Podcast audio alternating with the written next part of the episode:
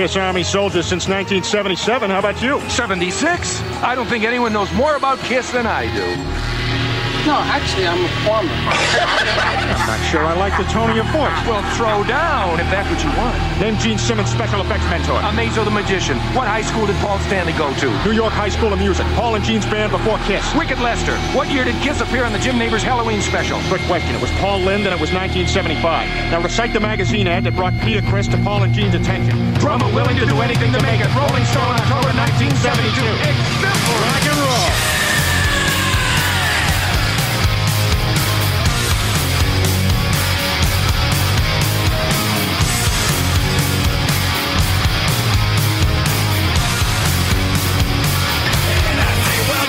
The show.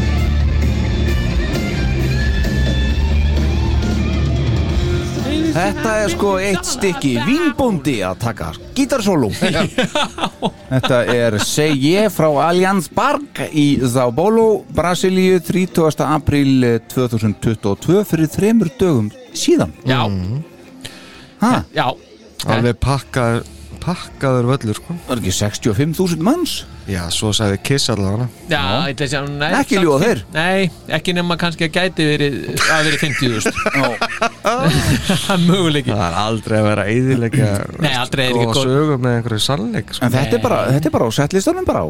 Já, Þetta, já, þetta er búið að vera bara standard síðan 2009 Já, er, er nú er sérstaklega þú Star Power, þú Já. ert nú örgulega búin að vera að skoða svolítið settlistana þegar ekki, núna, er þetta ekki bara business as usual? Jó, já, þetta er business as usual. Já, Þeir byrjaði til dæmis alltaf á Detroit Rock City. Já, bara til að segja það. já, já. Í þessi, hann nú getur þessi búin að spila eitthvað geggja mikið síðan þeir fóru á stað aftur samt, Nei, sko. nei, nei, En, nei. en ég meina, það er eðlilegt. Er, að- er að klá, taka hennan, hennan hérna, uh, Suður Ameríku túr og Þú veit þetta er stórir hérna maður. Já, Já, sáuð, þannig að stóð við hliðin á hérna einhverjum security guy sem var 182 cm á hæð Nei, Pól Stólið og hann var eins og hann var bara svo bann og Pól og hælunum? Já, Pól á hælónum og bara, hann var ekki bara höfðinu herri, hann var bara svona bara, Rétt náðundu bringusball já, það var eiginlega bara svona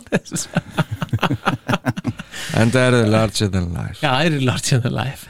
Klart. Já, ég gleymi því aldrei þegar komum fram hérna þegar vorum að býða eftir þeim í París já, og hérna vorum að býða eftir myndatökunum með þeim. Já, og þeir komu, við vorum að býða bara það sem að átt að taka myndina svo koma þær leppandi já, og bara almattu rosalega eru þau stórir. Já, já. ég, var- ég var bara eins og lítið barn á það sko Horfa á þetta. Var, ekki, var ekki Nine Inch Heels líka? Alveg. allt bara. Það stækkar það aðeins um Nine Já. Inch já, það munar um það, Já, sko Svo hárið og allt þetta Allt upp já, í loft og svona já, þetta Eins og þetta á að vera. Já, nákvæmlega. Akkurat, herðu, við erum að tala um þáttnúmer 61 yes. við erum komin að sjönda tugin Akkurat. Þetta er ævintýralegt ævintýri Allir við, allir við náum Jean í aldri?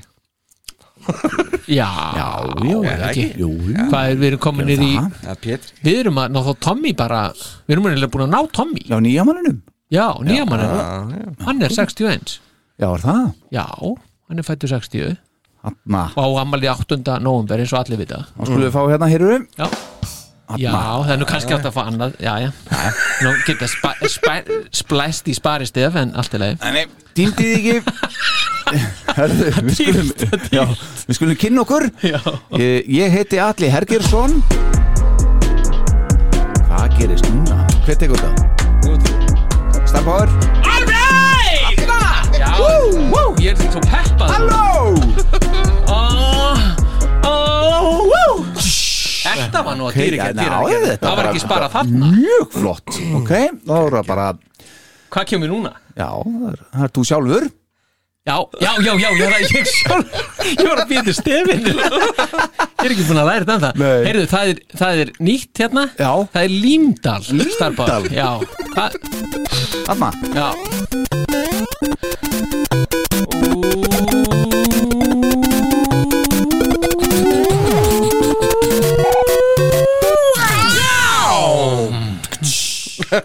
Ok, vel gert. Já, ekki. Jú, og síðast en þó ekki síst Heiðar Adal Jónsson.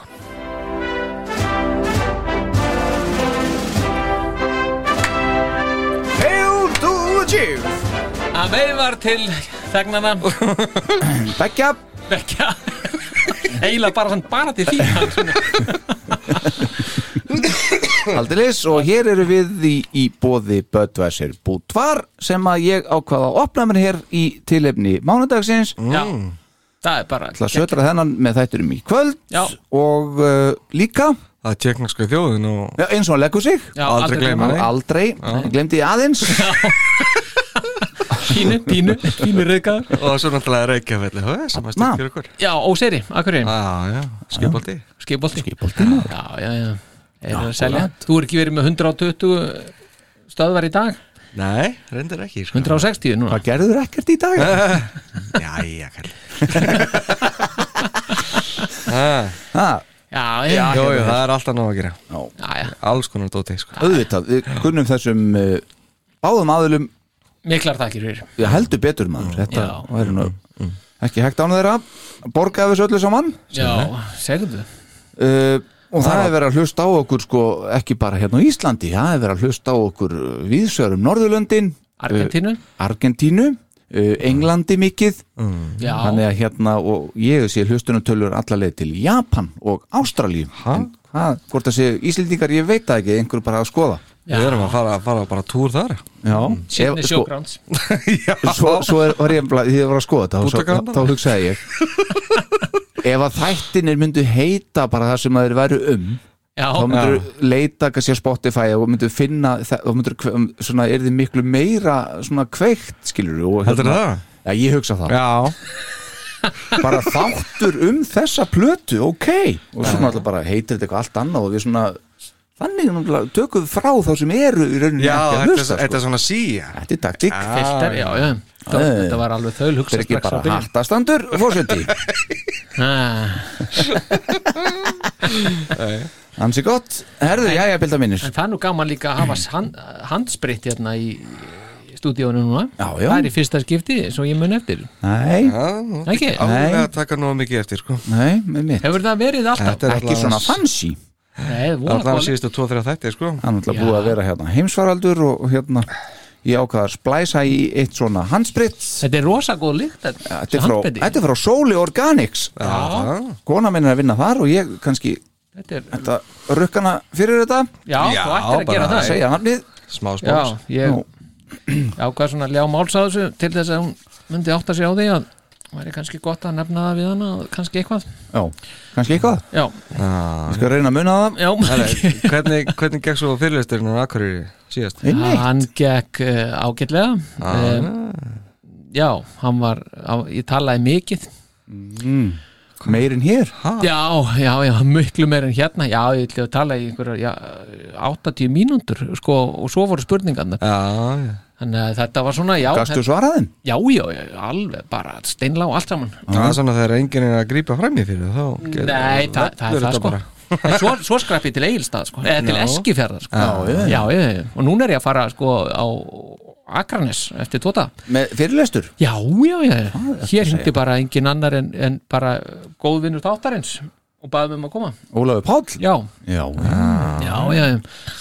Þannig að við erum að fara að bara að mála bæinn rauðan þar á miðgudaginn já Miðvikudagskvöldið. Kíkja á ströndina, Það gæti verið. Ströndaðna Já, Langasendi já, langasand Já, já, við skulum sjá til með það. Þarna ef ég færi í sjósund. Já, er það? Já, ég held ég myndi deyja. Já, ég fór í sjósund um Svakalega helgina kalt. Er það? Já, ég fer alltaf í sjósund. Já, já. Þegar ég fer upp í borgarfyrðin Þá hendi ég Taka mér við í með tímann? Andakilsána Já, hann er í sprænum Á, byttu, Nei, sko ég get farið bæði í sprænuna. Varstu í sjósundi á? Já, já, já, ég fór út í, út í, sjó, út í borgarfyrðin sko. Syndi þar, aðeins. Varstu í ásundi? Ég er í ásundi, já. Já, já, alltaf í ásundi. Það er þannig. En já, já, það er bara gott. Það er Já, já. Hveit allar til þess Og þú mátt koma með mér næst ef þú vilt. Já, þykka þetta Já, og fórstætti líka Og allir bara hinnir já Það eru fullt húsnæð Herðu, ef við halda áfram? Já, hvernig væri það? Já, mjög gott. Uh, Það eru örfóði punktar sem ég er með hér. Já, uh, Ég er svo sem ekki með neinar sérstakar dagsetningar í þetta skipti en, en hins vegar þá eru hérna nokkri sem er lang, punktar sem er langar að uh, Imprá. Já, innbrá reif- og kannski. Já, reyfa og kannski fá uh, frá ykkur, ykkur álit á ykkur að þessu. Já, komdu með það. Sérfræði álit? Já, Ok, ok. Uh, Fyrsta sem ég ætla að segja frá er uh, þetta tweet frá Geni. Já. Á Twitter Musk sem að núna það var alveg gegn svona nánast orðrétt. Happy birthday Ace The invitations still stand. Jump on stage with us for Anchors. Já. The fans would love it. Já, Já, Við vitum það. En, en hvað, hvað Ég þurfti alveg að fact-checka þetta sko. Er þetta ekta? já, ég var varfið það Svona alveg svo með Elon Musk sko, Þegar hann sagði að kaupa make-upið hans Ace og það var ekki ekta. Nei, nei. En þetta var ekta, hvað er hann að meina? Jean Já, Bara- Þetta er bara sannvinsættriði, sko Já, já, Já bara, en að fara með þetta svona á Twitter já, er þetta bara ekki- setja press á kallinn. Mm. Er örvætni ekki þessu eitthvað? Nei, ég er einlega ekki örvendingu Bara svona, come on, ekki vera með þessa stæla. Kottu, Já, hopp, hopp, come on, koma svo. Titt, titt svona kannski að Þetta er fyrir aðdánduna, sko. Þú á sér hendunar svolítið bara, þú veist, þetta stendur ekki okkur þetta er bara þú. Mann hefur heyrst það, sko. Já. Ekkert maður fær þannig að þetta sé tilfinningu. raunin bara, já, ég ég hef ekki já, séð ég- sokkaselfi lengi nema bara frá Siffa. Já, að hlusta þetta þáttarins. Nú, já, hefur hann verið með slokka, sokka, selfie já, hann var með smá fettis núna. Já, blessaði kallinn já, ég mann haldið svo við. Nei, ég tók þessi sem þetta væri bara Já, þetta væri eins og svo Bara svona, koma svo, koma, hopp, hopp. Já. Veist, það, er þannig, sko. Mhm. Ekki vera með þetta rugl. Svolítið svona að vera svona Hvað heitir það, dextra menn, sko. Já, þegar hann vill bara fá alltaf mikið pening fyrir þetta, sko Eitthvað þannig, sko. Já. en það sem ég er að, sko, ég skil þetta en ég er bara að velta fyrir mér af hverju ferði ekki í símaskrona í símanuðinum, hann er framalega A og svo kemur sé Já, sennilega efstur. Gæti verið. Þannig að hérna uh, og bara bjall á hann og, og spurja hann bara uh, Já, ég held að held að hann hafi Er þetta síðasta það, sko, en, en, Nei, alls ekki. Nei, nei. Ég, ég, ég skynni enga örvæntingu í þessu. Nei. Nei, nei, ég, Nei, alls ekki sko bara, og, og bara, ef það gerist frábært ef það gerist ekki Já, bara ekki frábært. Akkurat, svolítið þannig sko. Herðu, ok, þá tökum við næsta punkt er með hérna. Já, Já. látt hann vaða. Það er uh, svolítið svona, uh, já við getum sagt kannski aðeins þessu tengt. Uh, Peter Criss, hann ætlar að stíga niður á hillunni. Já, akkurat. Þegar hann kemur fram með sínu gamla bandi uh, því ástralska Sisters Doll Ah, ah. Sem var reyndar einni bandi hans. Brúsa á ástraliðu túr hans árin 2015 og 17 mm. þetta gig mun fara fram í The Cutting Room sem að já, einmitt, sem að er sem sagt 500 manna staður í New York borg. Við kíktum á hann þegar við vorum að labba um mm, stræti New York. Fóruð þinn á Cutting Room? Nei, við fórum ekki að því að náttúrulega hérna, það sem við vorum, vorum að hitta hann, það var sérst vikunni áður sko. ok, eða helgina áður. Svo var með tólingana helgina eftir það. Já en fóruð þinn á Cutting Room? Við fórum ekki inn á það, það Nei, var nei. lokað Já, náttúrulega ok. miðjan, miðjan dag já, já. En við sáum það bara. En þessi tónleika verður sér 22. mæ næstkomandi. Uh, en Pítur náttúrulega fór upp í hillu þannig að 2017 Já, og, já. en hans síðasta gig þá var einmitt þarna með Sister Stól líka á eins og þú segir fórseti, Cutting Room. Já, og svo náttúrulega uh, uh, þetta er nú kannski uh, að þetta var, þessi, var slegið fram sér svona frétt um það að Pítur væri að koma fram svona frá retirement í þetta en hann náttúrulega var búin að búða á komu sín á Creatures Fest 27. til 29. Já, mæ í Nashville sem performing sko. Já, er hann að fara að tromma sem þarna eitthvað Já, allan að fara að syngja sko. Já. hann, hann alltaf gerir það ekkert á svona festival meðst á svona Er hann ekki að fara að gera það á Creatures Fest eða? Nei, Nei, hann er bara að koma hann og skrifa undir sko. Já, Þetta það sjá er sig bara. svoleiðis ég, ég held að hann væri eitthvað að fara að performa og Vinni Nei. Eis og Brús og allir hann maður Nei. Henni Þegið allir, ok. Já, svolítið það sem við vorum að hugsa. Einmitt. Gott að ég sagði það. Já, mitt Herðu, svo er e, punktur hérna sem ég langar aðeins að að nefna við ykkur og það er eitthvað sem að ég sendi á ykkur um daginn. Já, Það er hérna pönnuköku uppskrifta síða Brús og Lísu Kjúlik já, það var alvarlegt. Ég bara hva- fyrir áhuga sama uh, World Wide Web punktur kulikpancakesrecipes.com Já, já. Er það- þau hjónin? Það er bara heil síða með þessu sko. Er er það tveir desilitra hveiti Fjögur egg Ég og- man ekki öskritina hjá þeim sko. Ég, Sigur og Já, eitthvað já. nei, þetta, já, ég- já. Hvað, er, það- hvað er hann að gera kallinn? Hann er að búið til pönnukökur. eitthvað lítið að gera allavega Það er já. Búti penning Ég veit það ekki. En það er svo sem mann geta haft ímislegt ég Hérna er síðan, sjáu þið. Já, þetta er hans Það er logo. Þau Já. hjónin hérna og gítarinn og Kulik's Pancake Recipes og hérna er bara ég, þetta er bara ekkert sem mig langar í ekki neitt af þessu. Nú er það ekki? Mér veist nú þessi classic potato pancake það nú, það getur alveg og það er hérna dairy free, það er gluten free easy recipes, ég minn er, unique. Þetta er en getur maður baka svona a- margs konar pönnukökur? Ég held að þetta væri nú bara einhver ein, tvær. Svo kemur hérna Welcome to Kulik's Pancake Recipes. Hey, I'm Bruce Kulik former Kiss guitarist and current Grand Funk Railroad guitarist. My wife Lisa Lane Kulik and I are uh, pancake aficionados. Aficionados and have expertly crafted our list of pancakes recipes befitting a rock star. Ah. We hope you love them as much as we do þetta lítur að koma inn á Hard Rock þá. Það er þetta að kaupa svundur hérna. Þetta sé selta á staðinu hjá Paul og Jean þetta er limited sko. En hérna ég þarf samt svona sundu Ég er að sjá það bara núna. Djúfisis töffeit að grilla með svona já. Með pönnuköku öskrifta Kjúliks pancakes Já, Er það? algjörlega allan daginn. En þetta er skemmtilegt Öðruvísi, svo ekki sem meira sagt. Já, Hvað segir það- þetta? Já, þetta er gott múf hjá honum að vera að gera þetta. Ég, eins og ég segi, ég, ég held að væri kannski til svona tvær, þrjár uh, uppskriftir af pönnukökum en það er auðvitað ekki. Ég var, ég var ekki búin að fara svona djúpt í þetta. Ég vissi ekki að það væri með heila síðu undir þetta. Ég, ég held að það væri bara, erðu hérna er svona pönnuköku sko, sem ég og Lísa vorum að gera um það Nei, nei, aldeilis. þetta er bara fyrirtæki. Já, Já, já, þetta Já, er bara ný, nýr bransi. Já, Já, já, Hvernig getum við innvinklað rockstjörnu heiminn þinn í það sem ég hef gaman að Mm. Nú, baka pönnukökur. Já, og búið til pönnukökur svöndur það er þannig. Herðu, svo er það bara síðasta sem ég langaði að minnast á hér. Já, Það er starki vinnur okkar. Já, hvað er að frétta honum?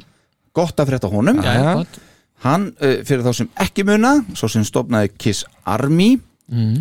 uh, Bill hann, Starkey sko. Já, og uh, hann sem sagt postaði vídeo á dögunum frá Buenos Aires í Argentínu. Var hann þar? Nei, nei, nei, hann bara postaði vídeoið þarna frá. Já, ok. Og sagði með þessu, hann postaði þessu á Facebook síðuna sína og sagði hlusti nú vel á þetta. Heyrið í Kiss aðdáðandum í Argentínu. Mér líður bara eins og árið sé 1975 á ný. Eru þið búin að heyra þetta? Nei, Þetta er geggjað. Þetta er, þetta er ekkert vona langt. Nei. En þið, þetta er bara þetta, er, þetta sýnir bara hversu klikkaðir aðdáðandur þið eru þarna í Suður Ameríku mm. eru þið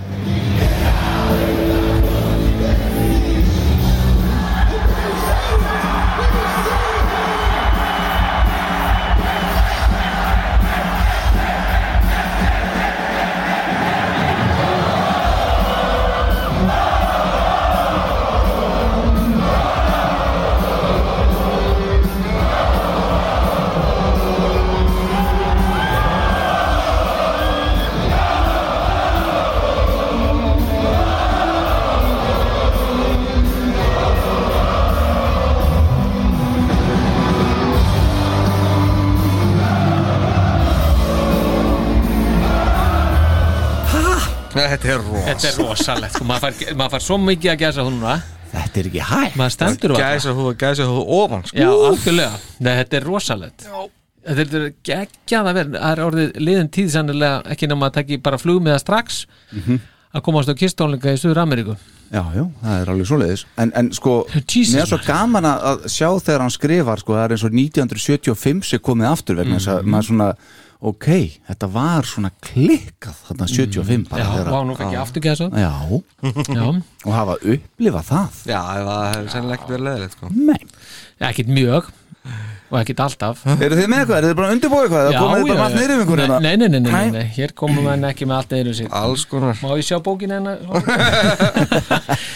nei, nei, við, við erum náttúrulega að minnast þess að, að hérna og, og fagna því öllu heldur að, að, að þann fyrsta mæ sem var í, semst, í uh, gær já, mikið já, rétt. já, já. Að þá er, semst, það er, það er gi- giftingarafmæli eh, ásins talandi um ásinn Já, já, já, já, já, 1976 já. Það getur þannig Jeanette Treður og Tóla já, Þetta er fánadagur á Íslandi. Í, s- já, já, í sjálfur sér.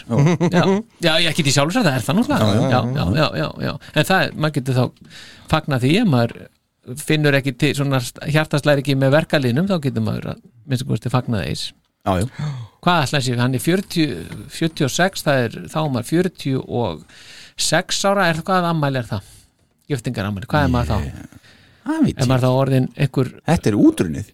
Ha, er það útrunnið? Já, ég meina hann er ekkert með henni lengur. Það 46 Já, nýja, samt, þú veist. 46, já Já, og maður lítur að vera orðinn Já, eitthvað það, er að meina að það heiti eitthvað ullar, Já, eða já, eitthvað svona. já. Það er eitthvað- 45 er ekki? Nei, Það er bara 50 demantur. Hver á að muna þetta? Ég veit ekki, ég, ég, ég er að spyrja ykkur sko, Já, þetta er ég á man það ekki. Aldrei glema því Internetinu. Já, ég að googla það? Já, nefnir Nei, mér er í, stemningin ekkit vera það, ég ætla ekki að í googla móttökunni þarna í uh, veislunni og spilaðu Kiss náttúrulega. Já, heldur betur. Rockin' Roll All Night og, og Ómálaður. Shout It Out Loud Já, Já, heldur betur maður. Uh, Býtur nú við Býtur nú, sjá, sjáu þið sko. Það eru til upptökur já, já. Skrúið ber ég held að séu reyndar alveg hrikalega lélegar en En úr brúkupinu já, Spiluðu veit ég einhvern eitthvað? Man Það ekki. geti við, En nei, ég senda á okkur eitthvað Þá vissi ég ekki að það væri til. Var það bara það? Já, já, kann, kann að vera sko. Heyrum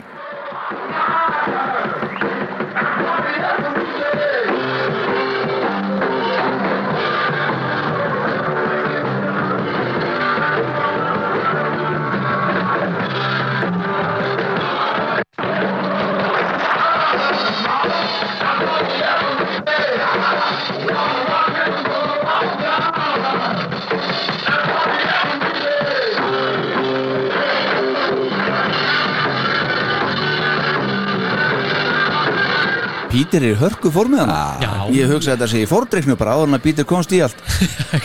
Líklega Það er pæliði samt að vera í giftingavestu þarna þegar bara kiss stígur og svið. Það er samt engin, engin sjokkar þegar gítarleikarinn er að era Nei, en samt bara einhvern veginn að verða vitna að þessu Já, sko, þeir eru náttúrulega bara na, heitasta bandið í bandaríkjónum Já, já, og ómálaður og málaður En í jakkafutunum einhver með myndavél og allt í gúti bara. Það er ótrúlega hvað er mikið til af stöffi einhvern 8 veginn, mm hvað, er náðu að þakka þetta bara niður allt eða svo að fela þetta.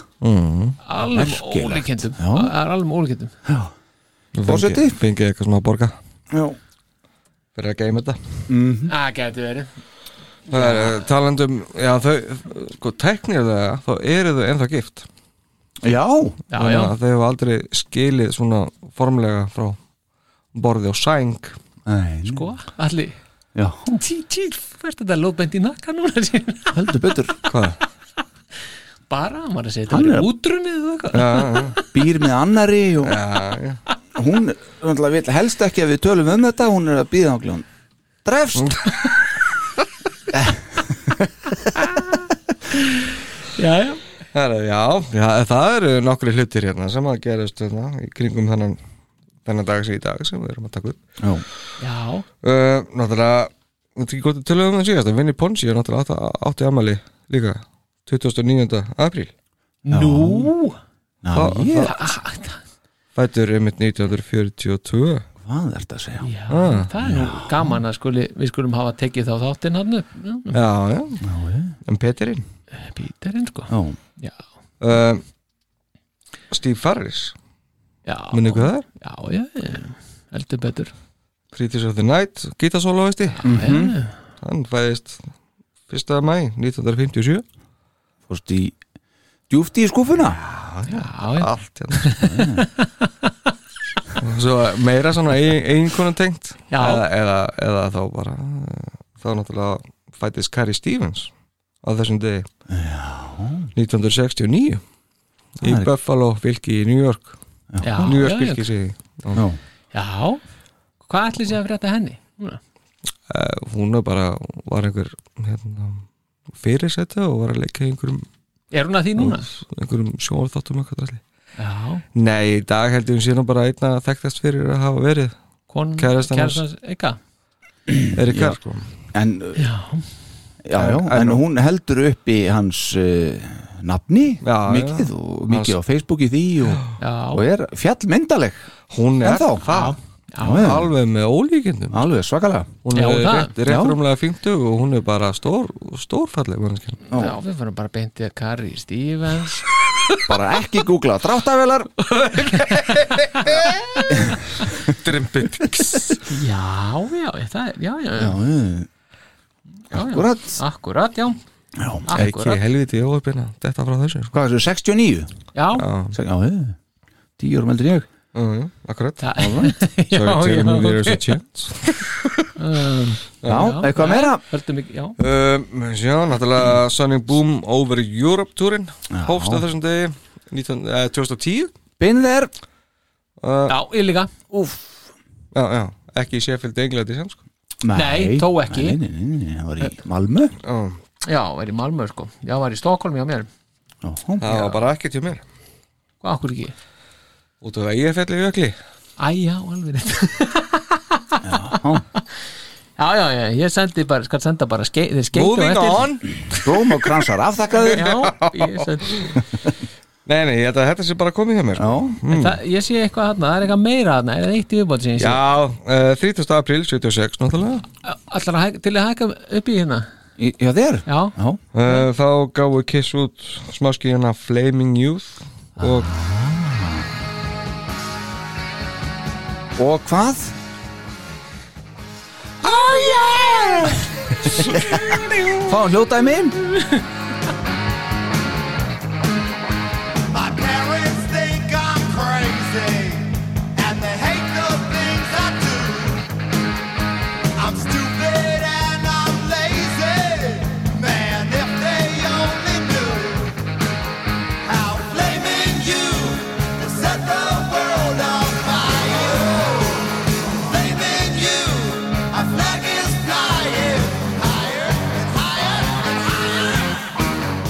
held ég maður.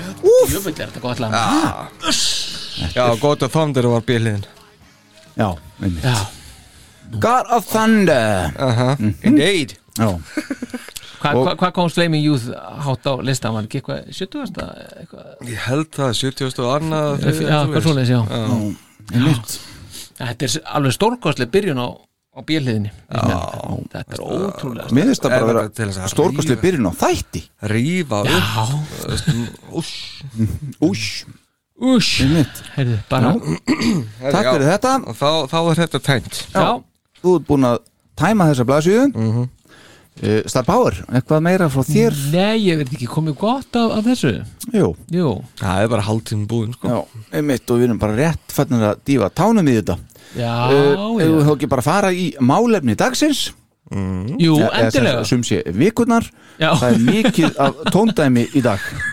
Tóndæm, tóm, Tóndæmum. Já, það Já. er það Já, Heldur betur. Já, Er þið klári í bakgrunn? já, Bakgrunn var einmitt afhjúpaður um helgina sáu það og- þetta var já, fallegt. Sko. það var bara alveg bara unmaðast Kiss Army Iceland Podcast. Ekki það, það kom mér ekki óvart sko. Nei, nei, manninn, hann baði heilsa Bobba sínum. Já, þakkaði fyrir Það er það. Bobba, það- þú Já. væntum það. Já, Bobby, það, Já, það já, passar Þið er búin að koma inn á þetta áður. Já, já, já, Fáum bakgrunn. Yes. Kiss Army Iceland podcast kynir Bakgrunnur Upptökustjórar heimsins eru dæmdir út frá útkomu starfa sinna eins og reyndar svo margar aðrar stjettir. En samkvæmt því verður að líta á Eddie Kramer sem hreina góðsögn í heimi rocksins. Í meir en fimm áratugi hefur Kramer svo sannarlega sett fingra fyrir sín á sögu rocksins enda unnið með nokkrum af stærstu nöfnum þeirra sögu. Má þar nefna The Rolling Stones, Eric Clapton, David Bowie, Bad Company, The Beatles og fleirum. Eddie Kramer er þó hvað þekktastur fyrir þrjú langtíma sambönd sín hvað samstarf við, hvað, við, upptökur varðar. Langtíma sambönd við Jimi Hendrix, Led Zeppelin og okkar menn í Kiss. En með vinnu sinni í sérstaklega þessum þremur svokullu langtíma samböndum setti Eddie Kramer hreinlega ný viðmið. Hann einfallega setti standardin fyrir þá sem að eftir honum koma sem gerir hann þá að ákveðnum frumkvöðli. Eftir að Eddie flutti til London frá Suður Afriku þar sem hann er fættur og uppalinn hóf hann sinn farsala upptökuferil og starfaði hann fljótlega í þremur af þekktustu hljóðurum borgarinnar Pi Studios, Regent Sound og Olympic Studios þar sem hann tók upp meðal annars Jimi Hendrix, The Rolling Stones, The Beatles og ógrinnin öll af öðrum listamönnum. Það var svo árið 1968 að Kramer færði sig vestur um haf til bandaríkjana og hóf störf hjá Recordplant hljóðverinu í New York borg þar sem hann held áfram að vinna með Jimi Hendrix þegar sá snillíkur tók meðal annars um upp þrið, þriðju hljóðversplötu sína Electric Ladyland sem átti svo því miður eftir að verða síðasta hljóðversplata Hendrix en Eddie sá einnig um hljóðblöndun þeirrar plötu. Árið 1969 tók Eddie sér að sér að, á samt arkitektinum John Storick að hanna Electric Lady stúdjóði fræga sem Jimi Hendrix setti einmitt á lakirnar. En ekki bara það, því vegna reynslu sinnar og orðspors og á beðni Hendrix valdi Kramer inn allan tækjabúnað í þetta fræga hljóðver sem var 13 mánuði í byggingu. Þar vann hann uh, svo allt til ársins 1974 sem tæknistjóri ásamt því auðvitað að taka upp fjöldan allan af tónlistarmönnum eins og The Vanilla Fudge, Joe Cocker og fleiri enda orðin einn eftirsóttasti upptöku, upptökustjórin í bransunum þegar hér er komið sögum.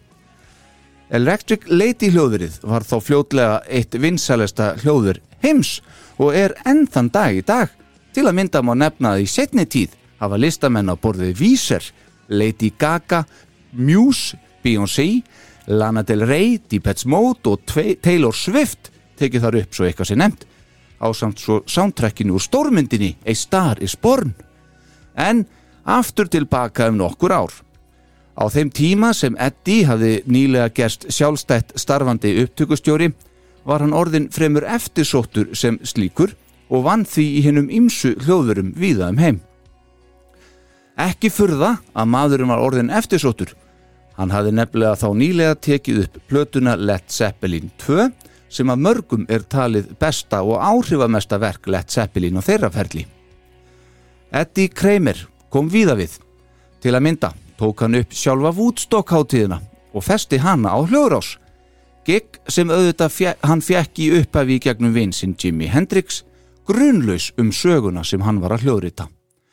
Woodstock verkefnið hefnaðist svo vel að Kramer var sjálfkrafa orðin eitt fyrsta val tónlistarmanna og hljómsveita þegar átt að taka upp tónleikaplötur sem sífelt urðu vinsælli og vinsælli eftir því sem leið á áttund áratugin. Það var einmitt akkurat það sem okkar menn gerðu þegar ákveði var að ráðast í upptökur og framleiðslu á Kiss Alive. Það er að fá Eddie Kramer í verkið. Eddie var afskaplega spentur fyrir þessu verkefni og afþakkaði hann að taka upp fyrstu plötu hljómsveitarinnar Boston til þess að geta unnið með Kiss. Reyndar hafði hann áður unnið með okkar mönnum eins og við höfum komið inn á í þessum þáttum okkar. En það var svona til upprifunar við upptökur á Electric Lady demo upptökunum hann í mars 1973 sem Kiss hugðust nota til að selja sig áfram sem hann þeir gerðu en lögin Deuce, Strutter, Cold Gin Black Diamond enduðu svo öll fyrir rest á fyrstu plötu Kiss og lægið Watchin' You á plötu nummer 2, Hotter Than Hell. Kiss, eða réttara sagt Gene og Paul, áttu nefnilega inni peninga hjá Electric Lady hljóðurinu fyrir sessjón hljóðfærleik og aðalega bakrættir á upptökum fyrir önnur bönd og listamenn. Þeir báðu því forsvarsmenn hljóðversins um að fá að taka upp þessi demo í staðin fyrir að fá greitt í peningum sem var samþygt og var títnemdur Eddie Kramer auðvitað fengin í starfið. Eddie elskar að taka svo upp tónleikarplötur en auk Kiss Alive platnana hefur hann tekið upp liveplötu með Jimi Hendrix og hellinga þýrindar, Led Zeppelin, Rolling Stones, Peter Frampton, Joe Cocker, David Bowie og fleirum. Það má segja að Kramer hafi svo sannarlega gert sitt gagn og verið betri en enginn þegar að Ace Frehley fekk hann til að taka upp soloplötu sína árið 1978. En svo plata seldist langt best af soloplötunum fjórum frá okkar mönnum og oft verið talin svo allra besta á þeirri röð. Kramer eitti svo nýjunda áratögnum hins vegar í upptökur og upptökustjórn á heiðalegum 80s metal og rocki, þungarocki og má þar nefna bönd eins og Fastway, Anthrax, Alcatraz, Raven, Loudness, Whitesnake, Freelist Comet og fleiri til.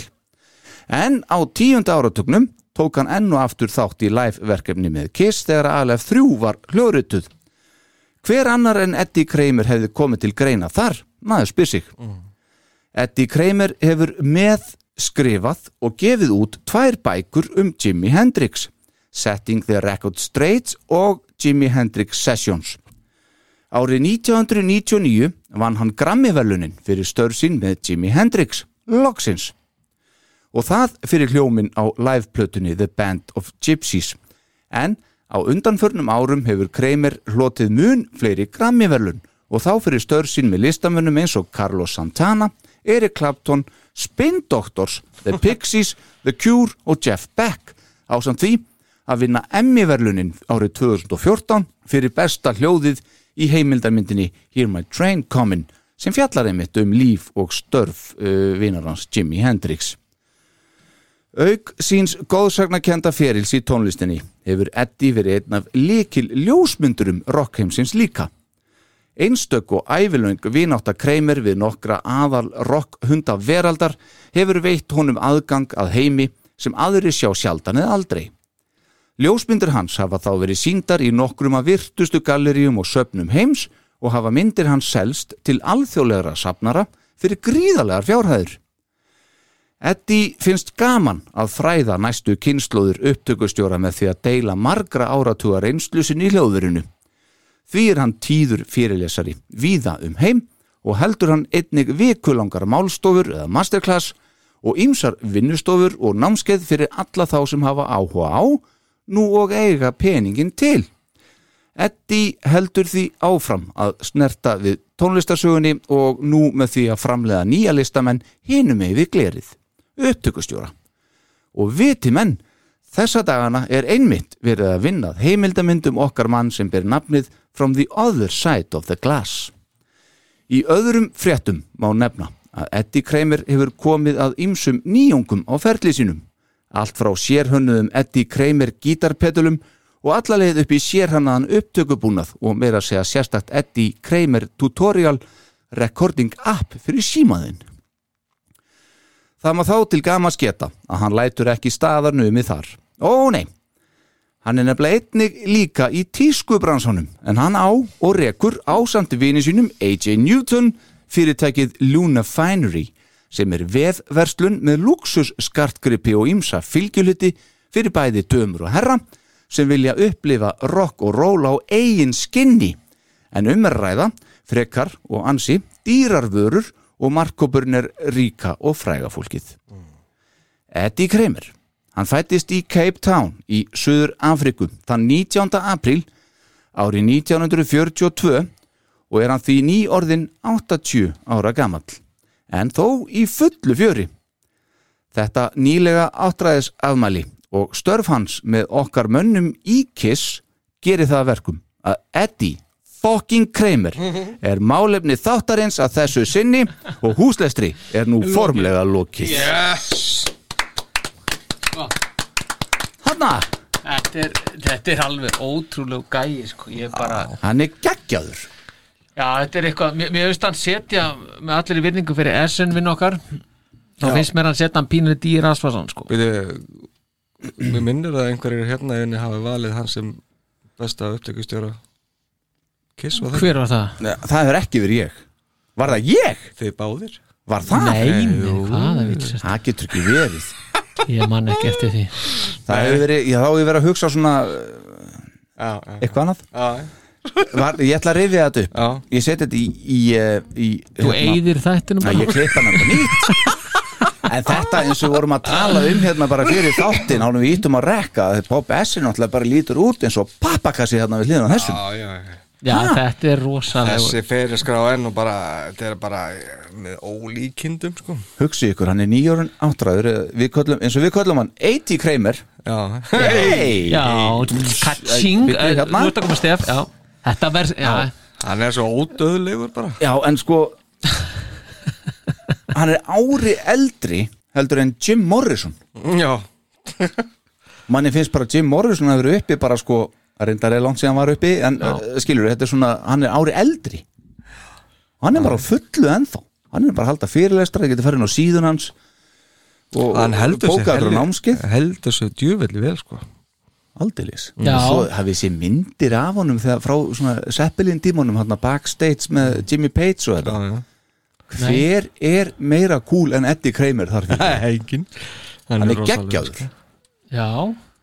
Ég hef ekki séð þar nei, ótt að sjá þetta? Hérna, Já, það er að fara að googla þetta núna. Já, en við, sem sagt, við ætlum að taka eh, eins og glöggir á heyrundur hafa heyrt að ætlum við að taka fyrir Eddie Kramer. Mm. þetta verður hálfgert svartól eins og var hjá okkur með Bob Essin en, en sá þáttur fekk nú góða dóma hann er ég, bara, ég er búin að búa til hérna ágættis playlista sem heitir Eddie Kramer 80 já, þú ert komið með hann já. Já, ég hérna hendi þessu saman búin að vera dútla við um helgina. En þú, en þú var, fannst annan sem var, var hvað margar klukkustundir aftur? 132 já, við hefum sem sagt getað tekið upp aftur bara 60 þætti viðbót. Já, bara. Bara með því að afgræða og samt er þetta tekja tíma og við hefum ekki þurft að tala neitt.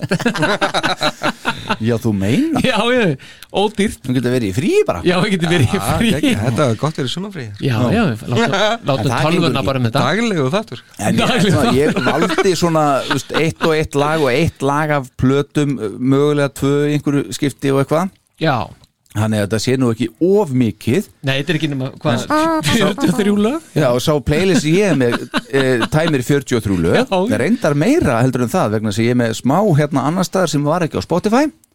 Já, ok, Þannig að þetta eru 45 lög eða eitthvað og, Já, og rúmlega þrýr tímar af lögum en við ætlum ekki að heyra þetta allt saman. Við ætlum bara að heyra brot og aðeins að skoða hvað Eddie fucking Kramer er búin að gera í gegnum tíðina. Mhm. Mér finnst nafnið hans bara að maður verður eiginlega að segja á milli, hann er svo geggjaður sko. Já, já. Er þið til í þetta? Já, ég menn það er ekkit, maður, maður kemst ekkit út úr þessu hérna sko. Nei, nema bara að klára þetta. Bara klára þetta sko.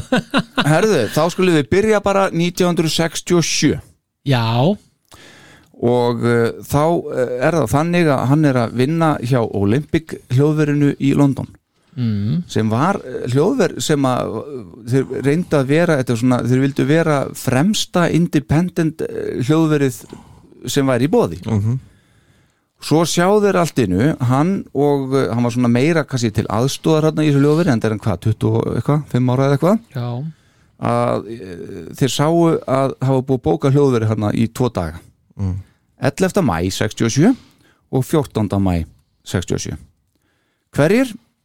Bítlanir Beatles. Og menn náttúrulega bara göftu. Herruðu, ok, bítlanir er ekkit nýjir hann sko, þetta er náttúrulega bara, bítlanir er bara ok. Æni, þarna er það bara stærsta bændi. Já, og við verðum bara að mæta almennilegt til fara og hafa þetta almennilegt og, og, og hérna og, Vera- þá að málið er að Abbey Road stúdíu var upptekið mm, og Lennon og félagar þeir bókuðu Olympic. Ok. Tók upp smáskifu Mm. Og uh, þar kemur Eddie Kramer ansi vel við sögum Já, í tengslu við blötuna Magical Mystery Tour. Akkurat. Og uh, þarna hann spilar með þessu hljóðfæri að öðru læginu hljóðfæri sem heitir uh, Vibraphone. Mm. uh, hvað heitir það á íslensku? þetta er svona, þú veist, þú ert með kannski tvo trommukjaða sikkur megin með svona kúlu á endanum og slærð á svona dúku dúku dúku, þú veist, svona Þetta tala um síla Þetta ekki sílafót? sílafót, takk fyrir, akkurat. Hvað kallaðu þetta? Á ennsku heitir þetta vibraphone en ég bara, veist, ég var ekki viss hvað nei, heitir. sílafót, hárrétt, ég var búin að glemma því. Og hann, sem sagt, uh, vinnur okkar Eddie, hann spilar á uh, þetta í fyrsta lagi þáttarins ásamt því að vera aðstóðar upptöku maður þetta var George Martin upptöku stjóri annar sem var upptöku maður sem var yfirmaður Eddie Kramer sem ég man ekki nafni á núna, ég hef ekki skrifað hjá mér sig Uh, Eitthvað Miller. Já, það er hárið tjóður og þeir unnu meira saman síðan meir. já. uh, og þetta er sem sagt lagið Baby You're a Rich Man. Og þetta er björlega lagið á þessari smá skjöfu sem að koma út og að var já, við tökum koma þetta Já, og hérna, þe- við skulum Kæft í byrja á fæðingu, fórstu Ja, akkurat. En Eddie Kramer kemur sterkar við sögu þar. Akkurat. Heyrum aðeins hérna Baby You're a Rich Man.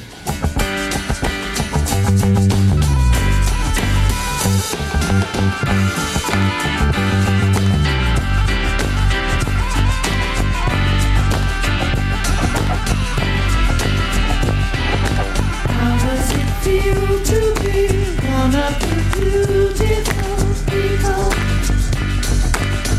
that you know who you are, what do you want to be? And have you traveled very far? Far as the eye can see. How does it feel to be one of the beautiful people? Nú ekki stærsta bílalagið. Ekki, ekki alveg. En þetta var sko því líkur hittari sumari 67, þannig Englandi og víðar enda ekki nefn one, stærsta bandið. En aðlið var tölvöld vinsætli og nú máttu segja, herra fósiti hvað aðliðalagið var. Ladies and gentlemen. All you need is love. Það held ég, all you need is love. Og þar mætti Það er ekki komið eitthvað stefið eða eitthvað? Jú, akkurat, hérna við skulum koma með þetta. Já, hérna, já Það er sem sagt lag sem var ennþá stærra þetta sumar 67 Já, og þar mætti Miller sem ég man ekki hvað heitur, ég þólið ekki. Nei, Steve Miller, það er annað Það er band sko. Já, einmitt. Steve Miller Band. Já, ég man ekki, aðja, ég skal googla þetta eftir þegar maður hlusta á eitthvað. Uh, Hann sem sagt mætti ekki þann 14. Nei. og þá var uh, hérna okkar maður við takkavöldin og tók upp þetta lag. Aftur, George Martin þetta upptöku stjóri hann svona situr og segir til. Og uh, Eddie Kramer hann syngur bakræti líka. Takk fyrir. Í All You Need Is Love. Og þarna var John Var þetta svona það sem kikkaði þess að stað hjá honum? allir ekki? Já, John bara- Lennon uppgötaði þarna eitthvað sem að svona fyrirrennara af einhverjum synda sem að ég man Já, ekki hvað heitir. Og hún er fast þetta að því að Olympic Studio var náttúrulega bara framalega í þessum bransa vildu vera með allar nýjustu græjur. Áttu þennan, eh, svona segja synda í, í hérna gæsalöfum og hann auðvitað notaði þetta svolítið í þessu lagi. Akkurat. og svo núna er ég með örsnögga klippu þar sem að er viðtal við Eddie Kramer um þetta allt saman. All the major labels in England at the time Decca, EMI, Philips, Pi, they all had their own studios, and their artists, when they were signed to the label, had to record in their studios. There were very few independent studios. Olympic was one of the leading forces in independent uh, recording studios. They were not tied to any major label. So it was easier for them to be edgier and try new techniques that nobody else was trying. And for that reason alone, the sound of that room with the new console, it became within like a week or two of its opening. We had Jimi Hendrix, the Stones, I mean, blah, blah, blah, and went on. And then later on, in the middle of 67, we get a phone call. It's the Beatles, and they want to come in. Now, wait a minute. The Beatles recorded EMI, Abbey Road. They couldn't get into their own studio, so they booked the best independent studio, which was Olympic, and I got the gig to record them twice, actually. I did All You Need Is Love and Baby You're a Rich Man. That's the only time I was scared. Uh, I'd never been scared on a session before, but that was the only time. I mean, obviously you settle down and you get your work done, but this was this is you know rock royalty, you know Beatles, holy crap, you know working with Hendrix, fabulous, fantastic, you know greatest guitar player ever lived. Working with the Stones, yeah, that's cool. Beatles, that's a whole other different story.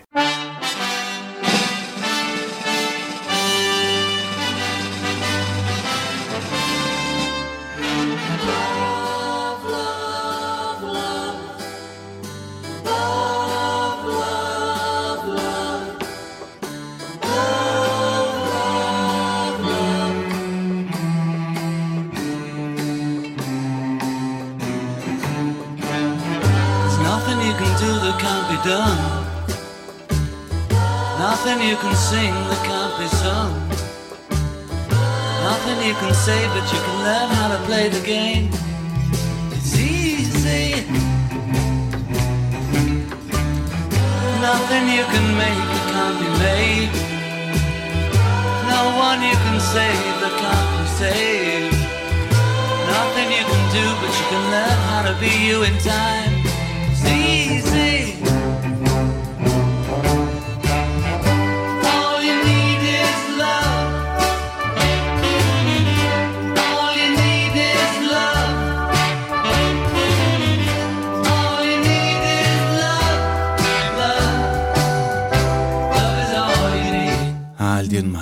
Hvernig haldið að segja að vera 25 ára gæi bara frá Cape Town og bara vera komin í þessa stuðu? ég held að það hljótu nú að vera bara eitthvað ævindirlegt ævindiri Þú veist, þetta er náttúrulega bara geggjað start sko Já. á, á, á karriér ekki það að hann byrjar endar karriérin hérna 62 eitthvað svona Já, já. En, en, en ég meina að þetta er náttúrulega rosalega hérna hann lítur að hafa haft eitthvað sem að menn hérna Já, þeir náttúrulega flúðu frá Söður Afriku vegna pólitískra hérna, aðstæðana þar út Já, af, já. út af hérna, apartheid og því dóti. Já, þau, ok. þau voru sérst mjög mótið því. Ok. Og hérna, þau töldu sér ekki vera óhuld þar lengur þannig að þau flúðu til Englands. Já, já. 60, 60 held ég, eða 61 Já, já, já. þegar hann var 18 að 19 ára. Já. Þá er hann sko píanisti og, Já. og spilaði mikið sko, Já, já. svona á einhvern sýningum og eitthvað svona. Já, þetta bara verið vera þetta, einhvern veginn hefur þetta fallið bara ótrúlega fljótt með honum. Veist bara svona að, að hitta á einhvern geggjaðan karriér. Þetta, þetta er, alltaf, þetta það er bara, bara alltaf réttum maður hann, réttum stað. Alltaf og er bara ógeðslega góður í því greinlega sem hann er að gera Já, og menn verðast kallan til aftur og aftur sko. Já, þetta lítur að vera einhver Já, hann hefur eitthvað sem að hérna Já, er mjög eftir svona verð sko. Magic Touch Já, hann er með Magic Touch sko. Nei, menn þetta er, þetta er Já, nei, þetta, þetta, þetta, þetta er sko maður eiginlega bara að því ég hef nú ekki grafið mikið í Eddie Kramer sko. en Nei. þetta er svolítið bara, þetta er svona bara fascinerandi sko, að bara, wow hann er einmitt nákvæmlega alltaf réttum að höra réttum stað að gera rétta hlutin. Mm. Hann virðist alltaf ekki klúður að þessu veist, eins og kannski Esrin og veist, lendir einhverju bulli og svona. Þessi bara heldur sjó svona, Já. þú veist, skilur, ég minna þannig lagað. Já, já, en þú ekki- skoðar yfir katalógin hans það er alveg fullt af stöffi bara sem er á Spotify sem er kannski með þúsund monthly listeners og veist, uh, mestalagi búið að hlusta fjögur þúsund sinnum á vinstastalagið, mikið af svona stöffi sem að já, já, en það en á móti kemur er Seppelin og Bílanir og eitthvað. Já, og Kiss og þetta bara. Já, nei, minn auðvitað náttúrulega hittar ekkit alltaf á það, en hann er ekki veist, hann er samt með þetta. Já, já. ekki það, Essin var alveg með þetta líka sko, ekki það, og, og þá, jú, jú, hann var með þetta. Og þá er það bara sama ár. Já, og þá mæta þessir hérna í hljóðveri til hans. Og, og okkar maður aðstóðar upptökumadur hjá Miller, vinnu sínum. Stones. Don't matter if it's gone. While the sun is bright, or in the darkest night, no one knows. She comes and goes.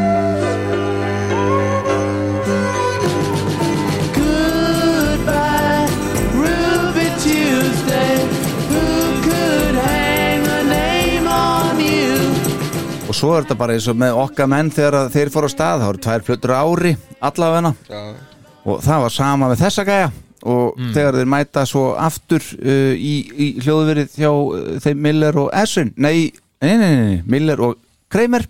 Já. og taka upp uh, aðra plötu. Mm. þá er þetta hér sem er alveg merkilega góð tilvílun já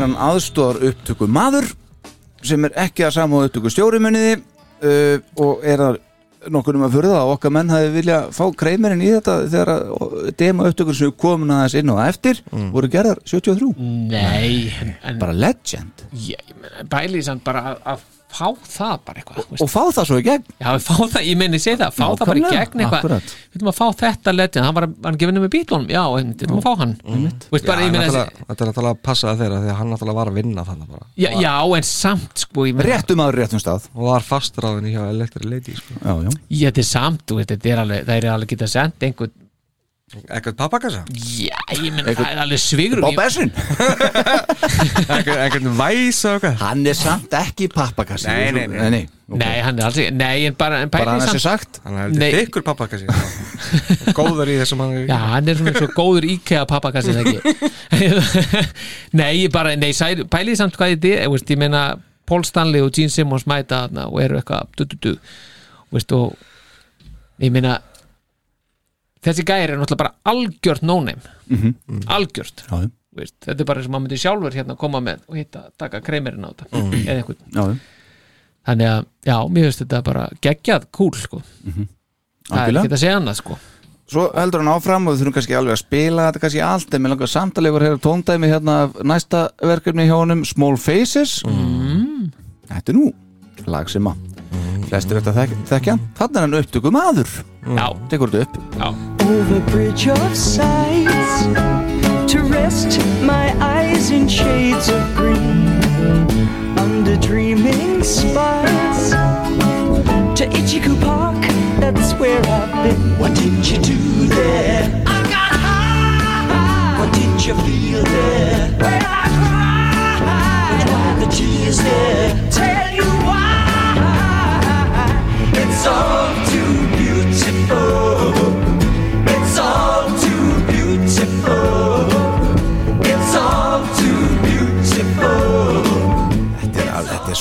Geðveikt maður. Já, betur var það Rod Stewart sem að sem að hérna, var fengin í Small Faces og breytti þá nafninu í The Faces?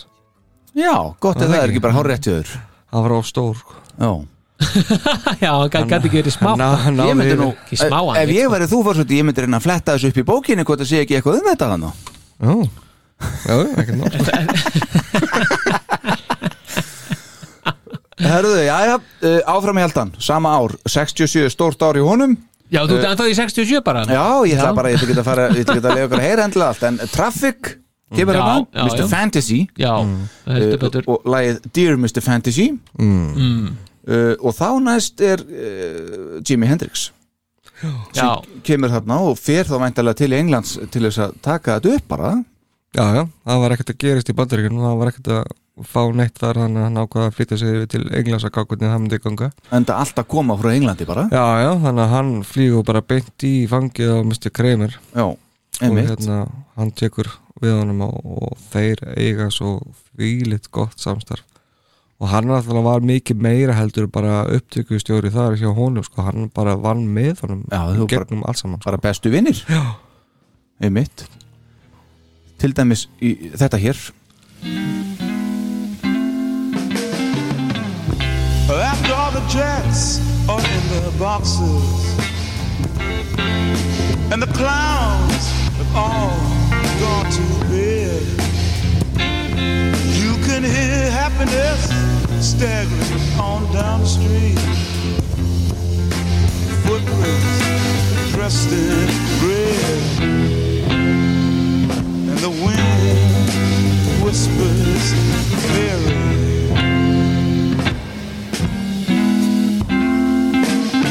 Þetta er ekki dónalegu fyrill Nei. Þetta er það ekki. Ekki, ekki mjög. Nei, og, og það var meira hérna með Jimi Hendrix uh, hérna Axis Bold is Love til dæmis sama ár. Mm. og svo komu Stones aftur til sögunar og þá var Miller vinnur hans sem ég er ekki ennþá búin að googla hvað heit að fór Jimmy. Miller. Jimmy. Jimmy Miller, Já. takk. Þá var hann fenginn til þess að, að pródúsera næstu blötu fyrir Rolling Stones. Sympathy for the Devil. Og þetta er 1968 Beggars Banquet. Já, já. Og lægið hins vegar sem ég ætla að spila fyrir ykkur er á þessar plötu þar sem okkar maður er, er sem sagt uh, aðstóra upptöku stjóri Já, Sympathy for the Devil. Já. Enn eitt góða stöfið á rekordið. Erum aðeins? Gjör svo vel.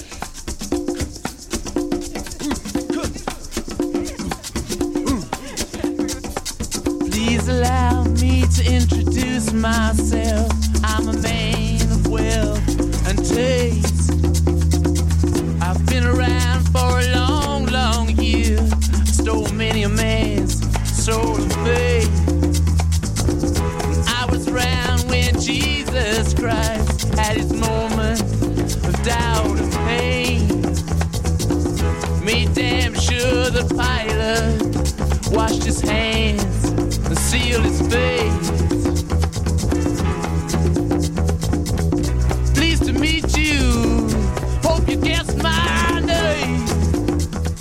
Oh yeah og svo framvegis. Já, gíslega hvað lamar Hm? Æðislegt stöf sko. Og 1968 ég held áfram að gefa. Það er uh, þegar hans besti vinnur uh, fær hann til þess að, að uh, taka upp og mixa hljóðblanda eins og heitir Já, sína næstu plötu uh, sem bara heitið, heyri nú Electric Ladyland já það, það er gól það Já, er mjög cool. Þannig var hann fluttur til Þetta Til New fluttur York. til, akkurat til og þess að þetta gera þér Elta sko Hendrix sko. akkurat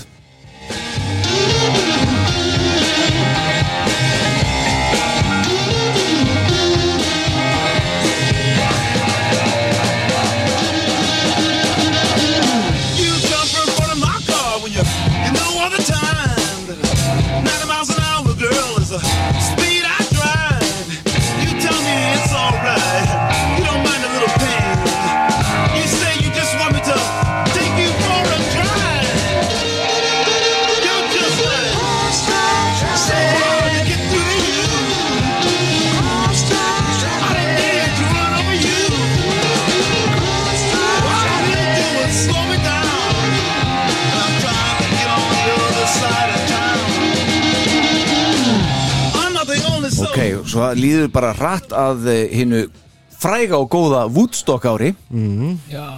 og þegar að það svo gengur í garð þá er hann fenginn og ég var að spáði hvort það hefði verið eitthvað svona að því að þetta er Eddie Kramer, hann var orðin svolítið feitu bitið þarna Mm. hvort að menn segja að tjaldunum til svona að því hann heitir þetta það er Johnny Winter bróðir, eldri bróður Edgar Winter mm, Já, Já, sem að einmitt uh, gerir hérna sólarplötu og fær hann og, og titlar hann á plötunum sem sérlegur ráðgjafi. Já, Ég veit ekki alveg nákvæmlega hvert hans hlutur var á þessar plötu, vitið það?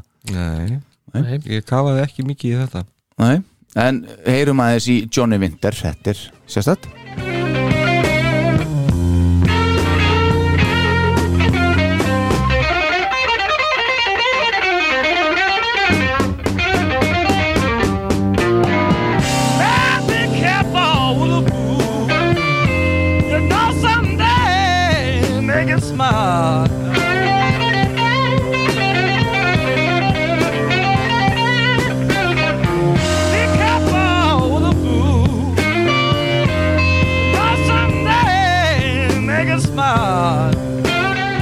fílingur og mjög flott. Já. Það sem ég sérstætt við þetta er að náttúrulega, þú veist, Johnny Winter sem og Edgar bróður hans voru náttúrulega báðir albinor Mm. og þetta er svona, e, þetta hljómar eins og þetta sé einhver svartur snillingur. Já, alveg bík svartur en eða sko þeir eru sko snjókvítir þetta er bara Enda- mjög flott. Enda vinterinn sko. Já, akkurat. Geti eitthvað spilað þarna inn í? Mm. mm, Akkurat En þá eru ekki að segja á Woodstock árunni góða. Uh, Tók náttúrulega upp Woodstock sem ég sagði í húsleisturinn en, en, en lítið að því leit dagsins ljót, ljós svona strax. Eins og hún leggur sig. Já, akkurat, lang mest af henni Það er bara örf á lög sem að hann náði ekki í rauninni. Mm. Það hefur verið helgi á honum. Aðeins. En þá kemur stóra tæki fyrir strákar. Já. Ég vil ekki að segja það? Led Zeppelin 2 Sýntal frá Mr. Page. Já. Hvað, þú veist Þetta, hvað, á, myndið þið setja þessa plötu sem, eins og ég sagði húsleisturinnum og hún er mikið rönguð bara með efstu plötum hann að hjá þeim myndið, þið- setja hann uh, þar? Personlega ekki, nei Nei, hvað setur þú ofar? uh, Ég Ja, hvað setur efst? Ég set nummer eitt efst Ok Og svo set ég House of the Holy Mhm. Tvö Ó. Og Untitled. Fjögur Ekkert móðurship hana? Nei Nei. Þannig að mér hefst svona mest af hérna, gæða lögunum þar náttúrulega þeir voru fannir aðeins í síruna þarna og, og physical grafti og, Mhm. og eftir það en svona En, en var Kreimerinn ekkert í því? Í frímerkjunum? Það er spurning. Sírunni? Sírunni, sko Já, það lítur að vera Hann lítur að hafa eitthvað Já, ég snert að þessu. Já, Já, ekki nema sér bara svo Gene Simmons bara alveg streið mm, hann hérna kreimið tala um það að, að hann hefur aldrei unni með ja, veist, fókus er að manni eins og Jimmy Page. Nú? Já, ok. Að, sérst, þegar hann er í stúdíói það er bara, hann er með svo sko vissa sín á það sem hann vill. Mhm. og allt sem hann vill er bara að skrifa niður og hann, það gerist sko. Já það er engin frávik sko. En eh, Pól þurfti ekkert að byggast afsökunar eftir neitt í heimildamindinni eftir að tala um eitthvað kreimur svo Nei, nei. Nei, hann sagði ekki að hann væri einhver. Akkurat En þarna er náttúrulega Jimmy Page er að pródúsera þetta skráður Já, já. upptöku stjóri já, já. en okkar maður, hann tekur þetta upp heyrið þetta maður Leaves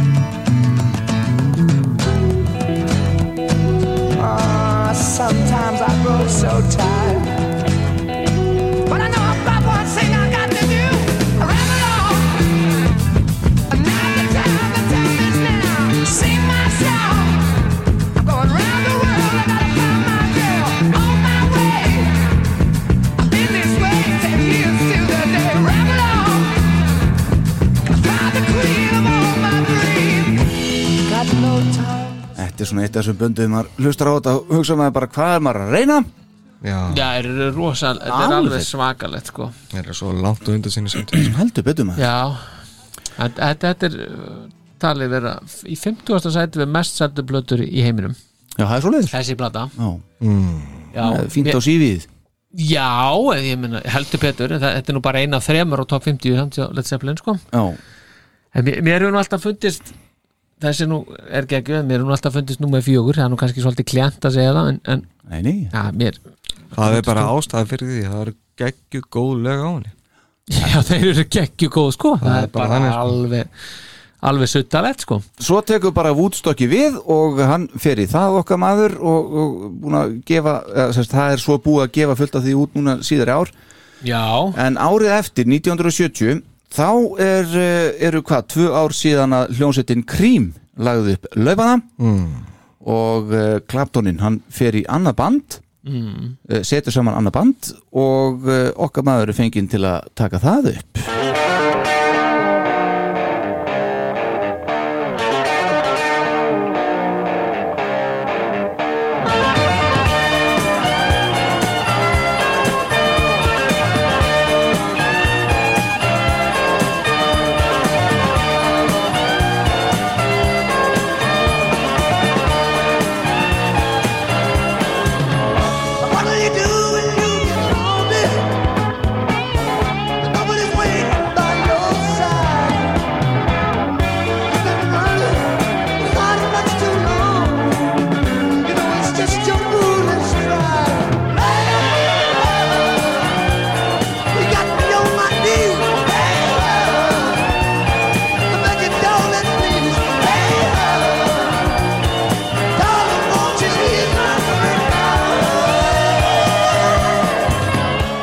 átti ég að vera 18 ára.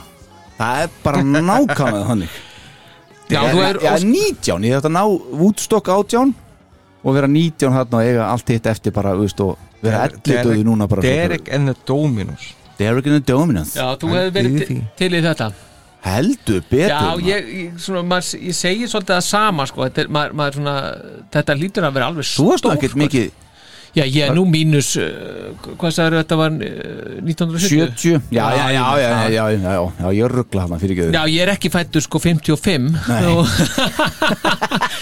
Nei. En þetta, ég, maður hefur hugsað sko, ég meina hugsa ykkur að fara út í þessa plötubúðir. Já bara þarna á þessum tíma kannski byrjar sem bara 65 eða eitthvað slíkt Jó. og þarna á næstu 15 árið eitthvað og vera bara og, og það er bara hver snildina fætir annar allir mm. maður hefði ætlum maður hefði fattað að þá sko.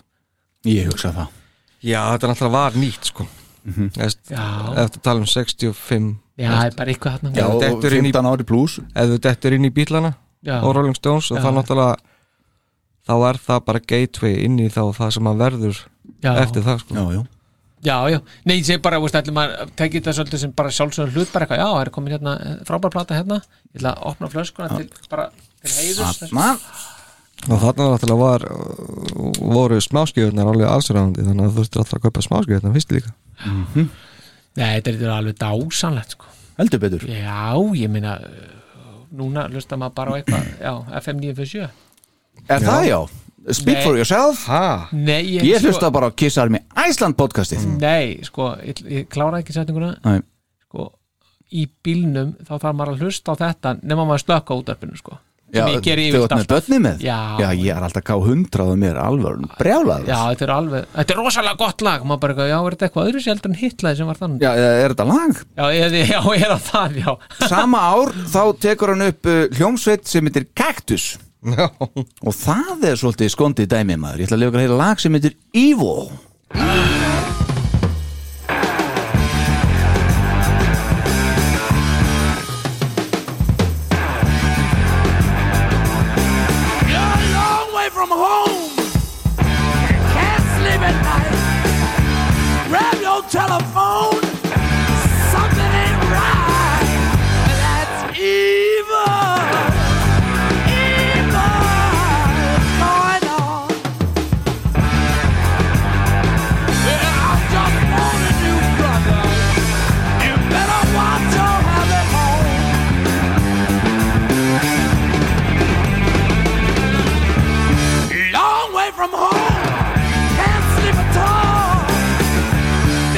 bara svona vísir að bara stónir rockinu.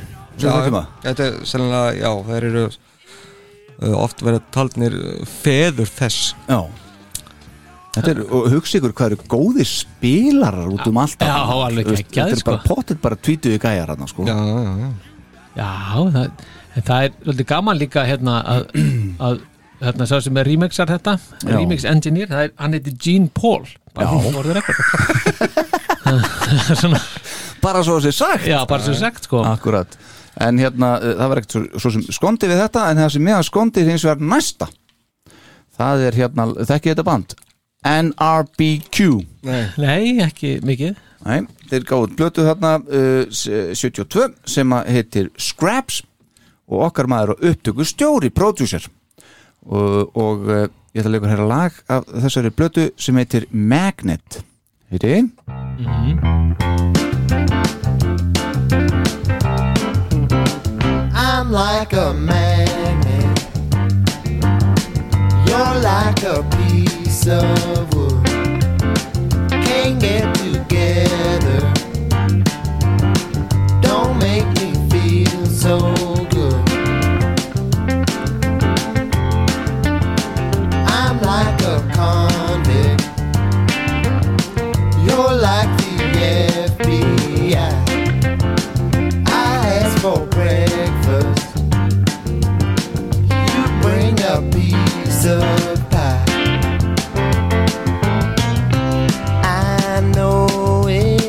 Það eru fimm ár síðan að þú varst að taka upp All You Need Is Love með bílunum Já, svo komin í þetta Já. og hann gerir aðra plötu með þessu bandi sem heitir. Workshop 73 á- árið síðar Já, þetta er en talandi um 73 Já, það hefur gott ár. Já, og þá eru við komin svolítið á uh, hérna okkar slóður já, slóðir, og, sko. hérna, og, og málið er það ég svo ég kom inn á í húsleisturum að, að hérna, við erum að tala um þessi fimm demo Electric Lady demo með. Kiss. Já, Já, uh, eins og ég sagði í húsleisturum já, þú vísaði hann, já. Já, þá, þá hérna þar sagði ég að Paul og Jean aðalega áttu hann inn í greiða fyrir Já. að hafa að sungið eitthvað og fyrir stúdíóið? Yes, yes. Mhm.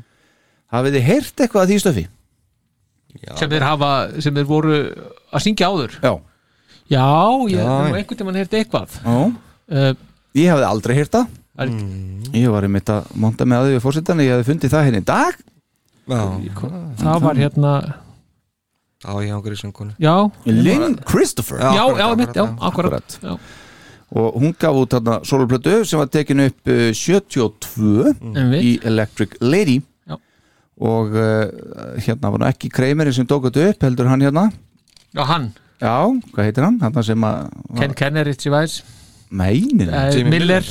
Nei, hérna sem að var yfir hérna sem að, já, skiptir ekki máli. Og, og hérna ég ætla að lega ykkur að heyra núna. Mm. hlustandi góður Paul og Jean í bakgrutum hjá Lynn Christopher, þetta fara aðeins inn í þetta lag alveg á byrjun. Nei, nei. við erum að heyra þetta ekki starfna, heyri Já,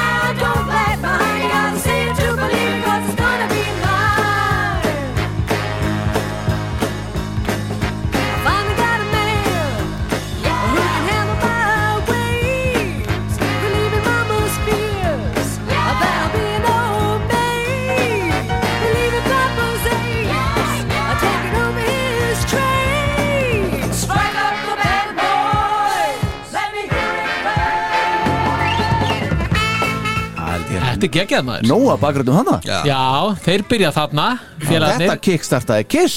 Já, Má hugsið ekki gleyma ykkur, því. í bakgröndunum Já. Hvað hvað var, All I Need Is Love sem kickstartaði kremendum í bakgröndum Smá munur eh? Ok. Já, Lynn Christopher, hún hérna var ekki langlíf í tónlistinni hið minnsta, ég veit nú ekki hvað um hana. Nei, nei, nei. Þetta er svona einhvern veginn En þeir sunguðu hérna í þessu lagi sem heitir Wedding. Þetta er að finna á Spotify meðal annars og svo í tveimur öðru lögum sem heitir eitthvað Celebrate 1 og Celebrate 2 eða eitthvað sliðis Já. Alright Já, nei, það er ekki, það er ekki eins og þetta bara, get, hún er ekki eins og á Wikipedia sko. Nei, ok. Nei, Já, það er ekki að frétta henni sko. Áruðanlega miðli. Já, algjörlega. Svo, Þetta er bara eins og greift í stein það sem stendur í Og svo er það bara, við erum að tala um það að okkar menn voru að taka upp uh, Electric Lady demoin í mars 73 Já, já. Uh, Vil ég heyra eitthvað sérstætt að því eitthvað? Við erum að heyra tóndæmi að því. Já, það væri mjög gaman að heyra eitthvað gott. Um, Þetta er allt gott auðvitað. Já, kannski það sem er mjög gott gott sko. Já, ef að fara í strött er eitthvað. Uh, Já. Dúsin er alltaf bestur á það sko Já, já. Já, Já, hendum í dúsin komum með hann. Er það ekki bara, það er bara fyrsta lægi held ég. Já. Held ég örgulega Erum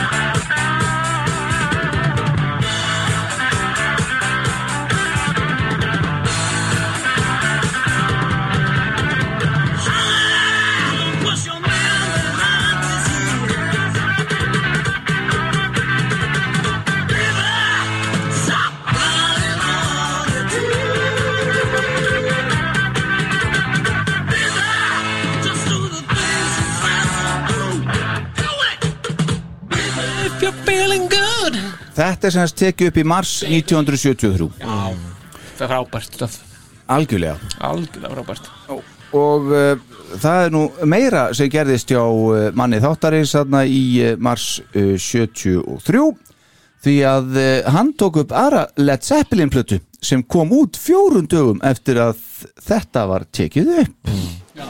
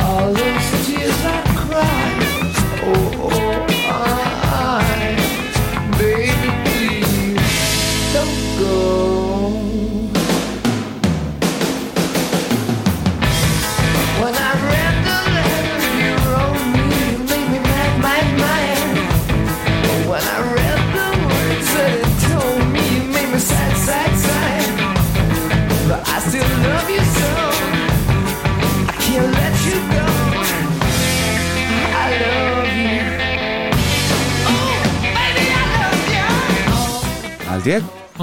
Og þetta er semst uh, Led Zeppelin af plötunni House uh, of the Holy. Já, mér er að segja ég held að það hafi verið þegar þetta var verið að taka þessu plötu upp að hérna Robert Plant náða að stela kæristinu hans, Eiti Grimmer Já. Ertu ekki að djóka? Nei, nei. Hann, En- hann hýrt hana. Já, fyrst þetta er þú, sko. Það er þetta fyrir leið Hann sagði að það hefði verið gaman að vinna með Led Zeppelin Mjög ánægulegt Já. Jafnvel þótt kærustinu hefði verið stólað hann hvað er þið að segja, þetta vissi ég ekki maður. Og hérna, hann sagði það með, með John Bonham að náttúrulega hann er oft verið talin bara einn besti trómuleikar í heimi. Mhm.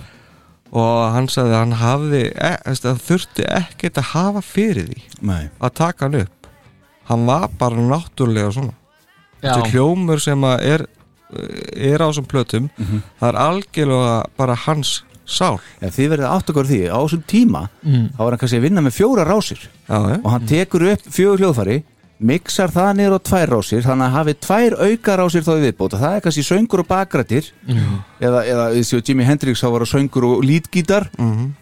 svona var þetta gert þetta er ekki einhverjar 30, eitthvað 40, 50 rásir eins og er í dag sko. Þannig að böndin bara eins og það Doors og fleirið mættu bara og spiluðu þetta. Já, já, já. svo voru bara nokkur veist, ef það var það var bara luxus að geta óvöldöpa tvisvar eða eitthvað álíka. Einmitt, akkurat og í þessu ferli þegar að þessi plati tekinu upp þá er alltaf tekið upp lagið House of the Holy sem passaði ekki á plötuna. Mm, það setja kom- næstu bara. Já, var sett á 75 uh, Physical, Graffiti. yes. og það er upptöka frá þessu sessjóni Shit, maður með þetta allt í hausnum bara. Já, þetta er bara Stórfurðulegt. Nei, nei, nei, ekkert fyrir það Ég bara fagnaði þessu, herra fósetti Já, ég er ekki með þetta í höstnum ég Nei, ekki það. Herðu, þá erum við komin í uh, liveplötu. Það var nú svolítið vel um þær hjá okkar manni. Já, það fara og fóra aðeins að síga hérna í þær sko. Já, í mitt Miðjan árundugin heldur betur. Og næstur í röðinni þar er David nokkur Bowie. Mm. David Live heitir platan kemur út þarna ári eftir þessa Zeppelin blötu sem við vorum að hlusta á. Og það sem ég ætla að lefa ykkur að heyra hérna örstuðt er þetta hér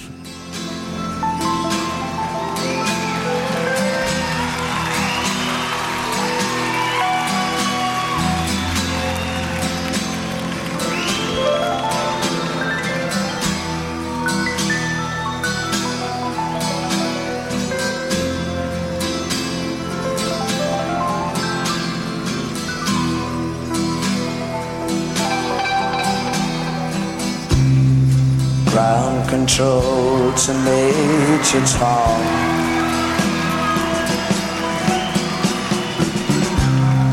Ground control to Major Tom.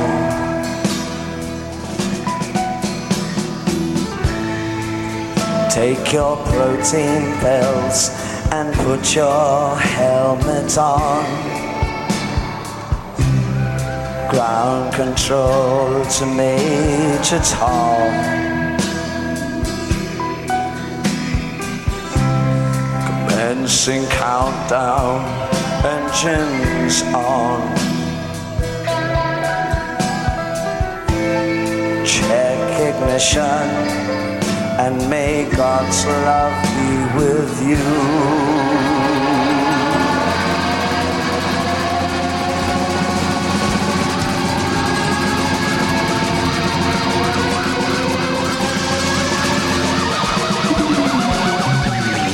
This is ground control to Major Tom.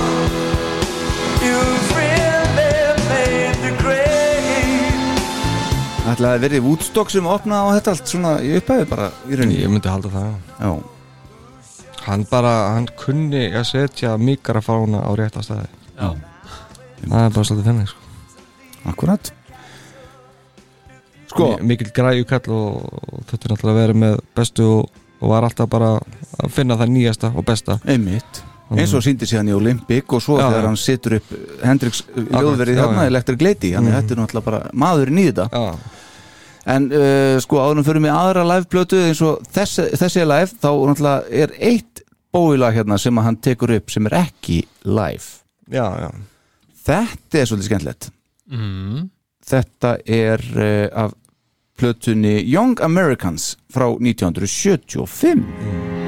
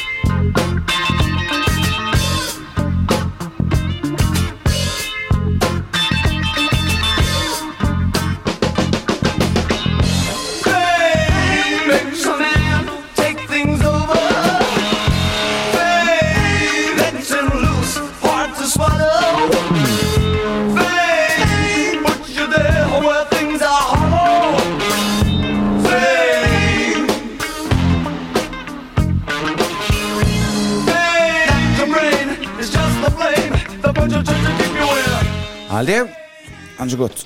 Já, þetta er náttúrulega að spila með Lennon. Já, einmitt. Já, einmitt, sömd þetta saman. Já, þetta, hann já. spilar á gítarinu Já, ég vissis Snildir það Leggjur eru þetta. Heldur betur. Já, þetta er svona, þetta er svolítið þannig sko.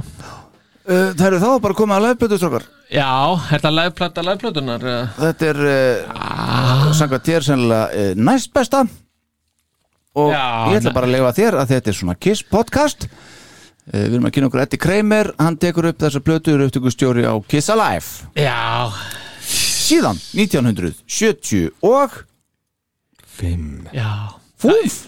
Já. Þetta, við, við, ég bara ég, það er ekkert sem slæðir þetta hérna út, sko. bara þe- þessi Við byrjun vorum að hlusta á það. Já, en það er samt bara, þetta er bara samt sko, svo Já, geggju já. byrjun sko, á plötu sko. Ok. Heyrið hvað sprengjan er tær? Já Óbúst tært hljóð. Já, það er Já, sennilega bara Kra- svona, kveldletta bara í stúdíunum sko. Já, já, en það er samt bara en, en það er samt sko hvað, hvaða, hvaða einhvern veginn er það samt tært, nær sko. í gegn Já, það nær nefnilega í gegn sko. Ok, Hendum í þetta. Já, verðum við ekki að heyra þá þetta óskalag frá Starbauer já. Kiss Alive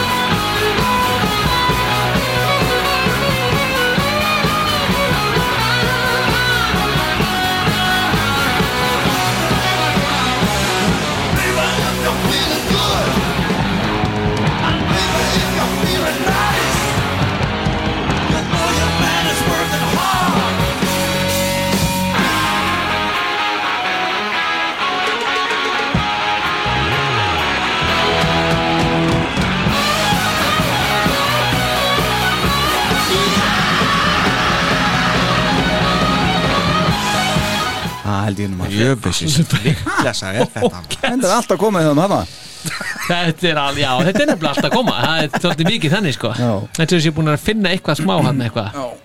En- Þetta er ótrúlegt sko. En þessi staðrindur, við höfum alveg rætt þetta áður Við finnst alltaf að koma aðeins inn á þetta Núna, uh, þessi staðrind um að, um að Kramerinn hefði gert þessi frægu demo Og svo bara Ekkert bara fyrir þetta með Kiss. Og þessir félagar hérna sem að Eru tröllun gefnir Richie Weiss Og hérna hann Kenny, Kenny Kerner, Kenny. Kerner, já. Hvað hérna Why? Veist, Uh, hefði, ekki, hefði, hefði verið sterkur leikur að fá hann inn fyrr Hann bara kostaði mikið hérna Þeir náttúrulega, þeir tveir kaupónar voru náttúrulega nánast í vinnu hjá fyrst hjá Buddha Mhm. og svo hjá Casablanca Records Já. og þeir náttúrulega voru með Bell, Bell Studios undir sínu veng sko. Já. Þannig að þeir, og þeir náttúrulega bara byggu þeir eiginlega. Þannig að þetta lág beinast við sko. Jú, jú, auðvitað. Það er hár rétt, þetta kemur heima saman þegar þetta er bara sagt við mann en, en hins vegar sko, veist, og hann er á þessum tíma líka að taka upp Seppelin og David Bowie og eitthvað skilur Já, en, en, pínu að gera hjá honum sko. Já, en ef hann hefði bara tekið hotter than helmaður Anskotin, ég hef sagt þetta öður Já, ég meina, það, það má alveg veldur úst, ef hann hefði tekið þetta, hvað hefði þá gerst? Mhm. Já, já, það, það hefði verið mjög áhugavert að vita það, hvernig það hvernig það system hefði hefði hérna lúkað. Spurning hvort að, hvort að sam, sömur hljóngeði hefðu, hefðu litið dagsins ljós. Á hotter than hell. Já, Efast um það já ég hefast þetta það líka.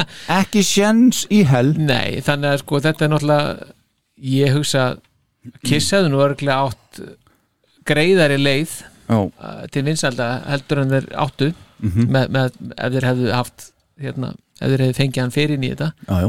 Já, það, það Þetta sé- verður að segjast þó að lögin á þessir plötu séu náttúrulega geggjuð sko. það náttúrulega var þetta stórt skref aftur og bak hljómlega síð sko. Já, það er svoleiðis. Ég samanlega þessum Já.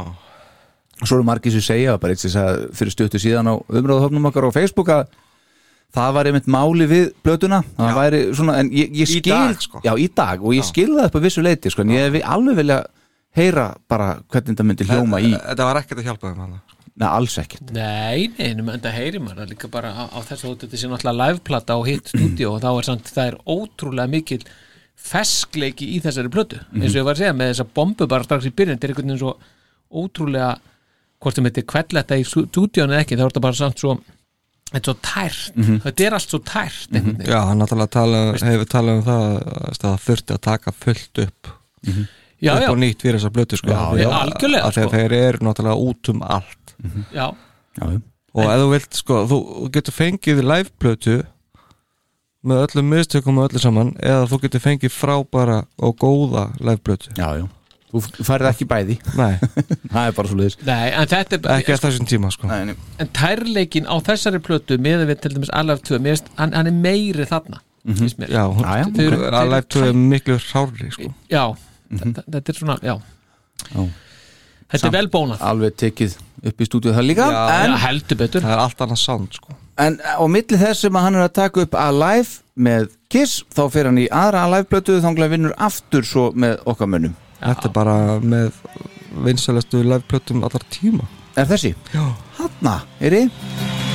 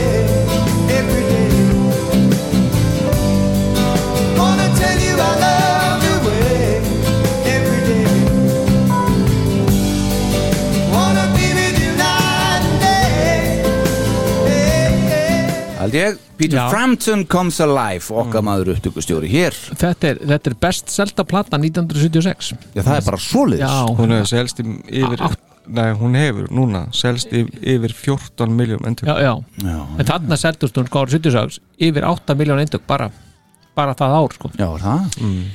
Sæl já, og hann sagði að munurinn á þessum tveimur blötum væri gigantískur Já, hann þurfti mjög lítið að gera þarna kannski, hann ger- kannski ekki djöblast alveg svona mikið hann, hann, framtón. Nei, það er nefnilega málið sko. Nei, nei, Já, akkurat. það munar. Það eru næsta verkefni maður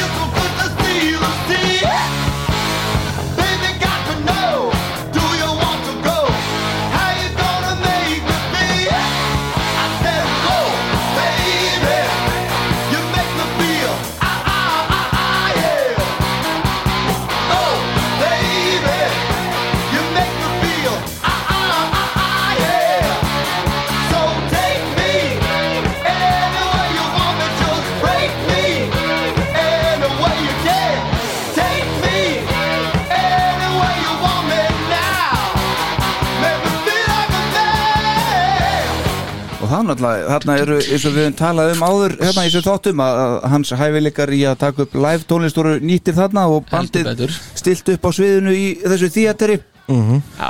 og uh, tókuðu þessu blötu upp Já, betur hann sagði það að munurinn frá því að hann hefði verið að taka það upp 73 Mhm. og þá getur alveg hittið það þarna aftur í stúdíói Mhm.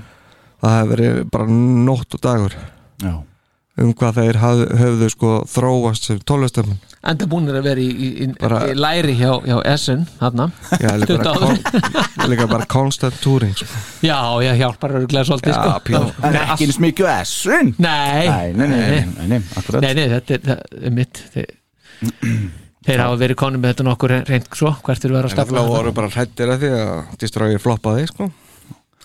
þarna á þessum tíma. Á þessum tíma, já, einmitt Mm. Herru, ok, við verðum að aðeins að hendast uh, svolítið yfir þetta núna. Nú er Eh, það? Já, svolítið. Uh, Það sem að ég er með næst er tekið upp í bíl. Þetta, Já. já, þetta er tekið upp í uh, svona upptöku bíl sér, sér smíðum sem að hljómsveitin Rolling Stones áttu.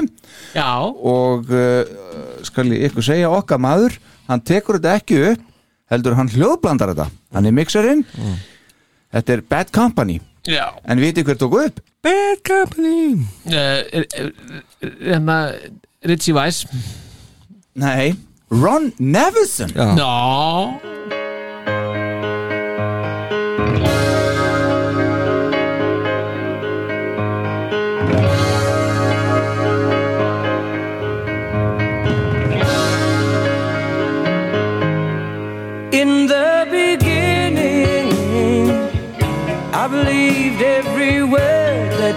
said.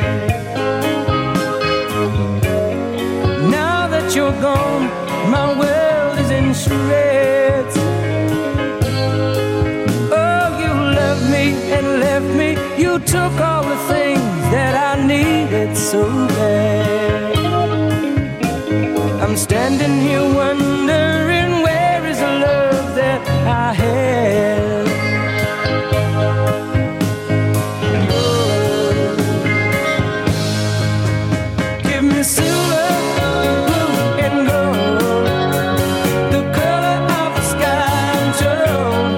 Hugsið ykkur, Silver, Blue and Gold með Bad Company af hlutinu Run with the Pack. En þetta er tekið upp úr í þessum stúdjóbíl mm.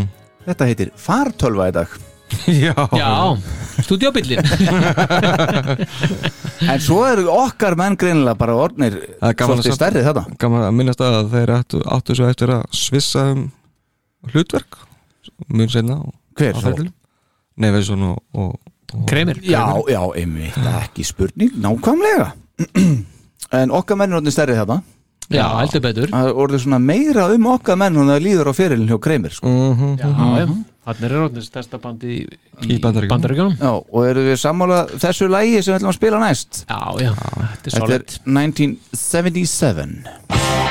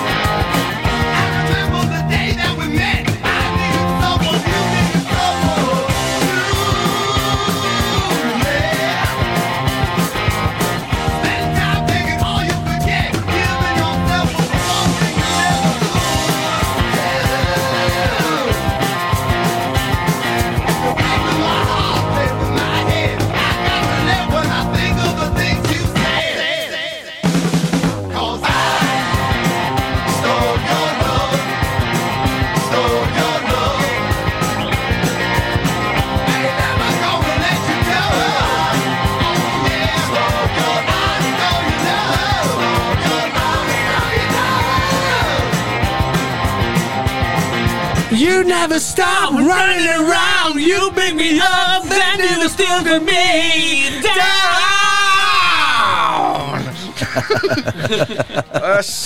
Byrja, nú. byrja plötu svona maður. Uss, en, en uss, uss sko það er náttúrulega fyrir mér. Þá eru þessar tvær plötu, þetta er Kiss hljóðið. Já. Þessar tvær já. blöður Já, Rock'n'Roll Over og Já, já, já, já, já, ég skil. Já, þú vilt með, Eddie Kramer hefði bara náð þessu. Já, já. hann bara náði kjarnanum. Já, einmitt, akkurat Herðu, ok, uh, það var meira kiss framundan heldur betur hjá okkar manni en uh, á milli þá fór hann í smá live upptökur með bandi sem við þekkjum. Þetta er hann að taka upp ásamt Ron Nevison. Já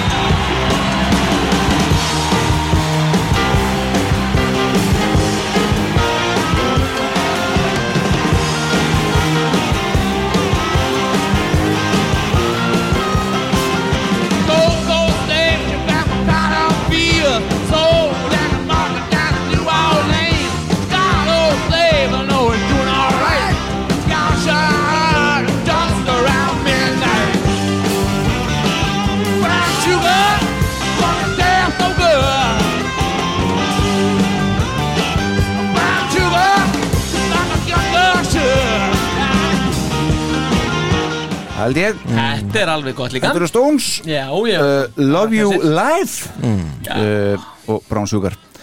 Herðu, en þetta er nú ekki eina liveplatan sem kom út 1977 Nei. Fylta mínir Það er nefnilega önnur plata. Já. Ég var að segja að hún heiti Kiss Alive 2 Já, við skulum segja það. Akkurat, eh, ertu samanlega þessu Lægi er Star Power? Já, þetta er bara, það er alveg sama kásett Já. Lekkum þetta aðeins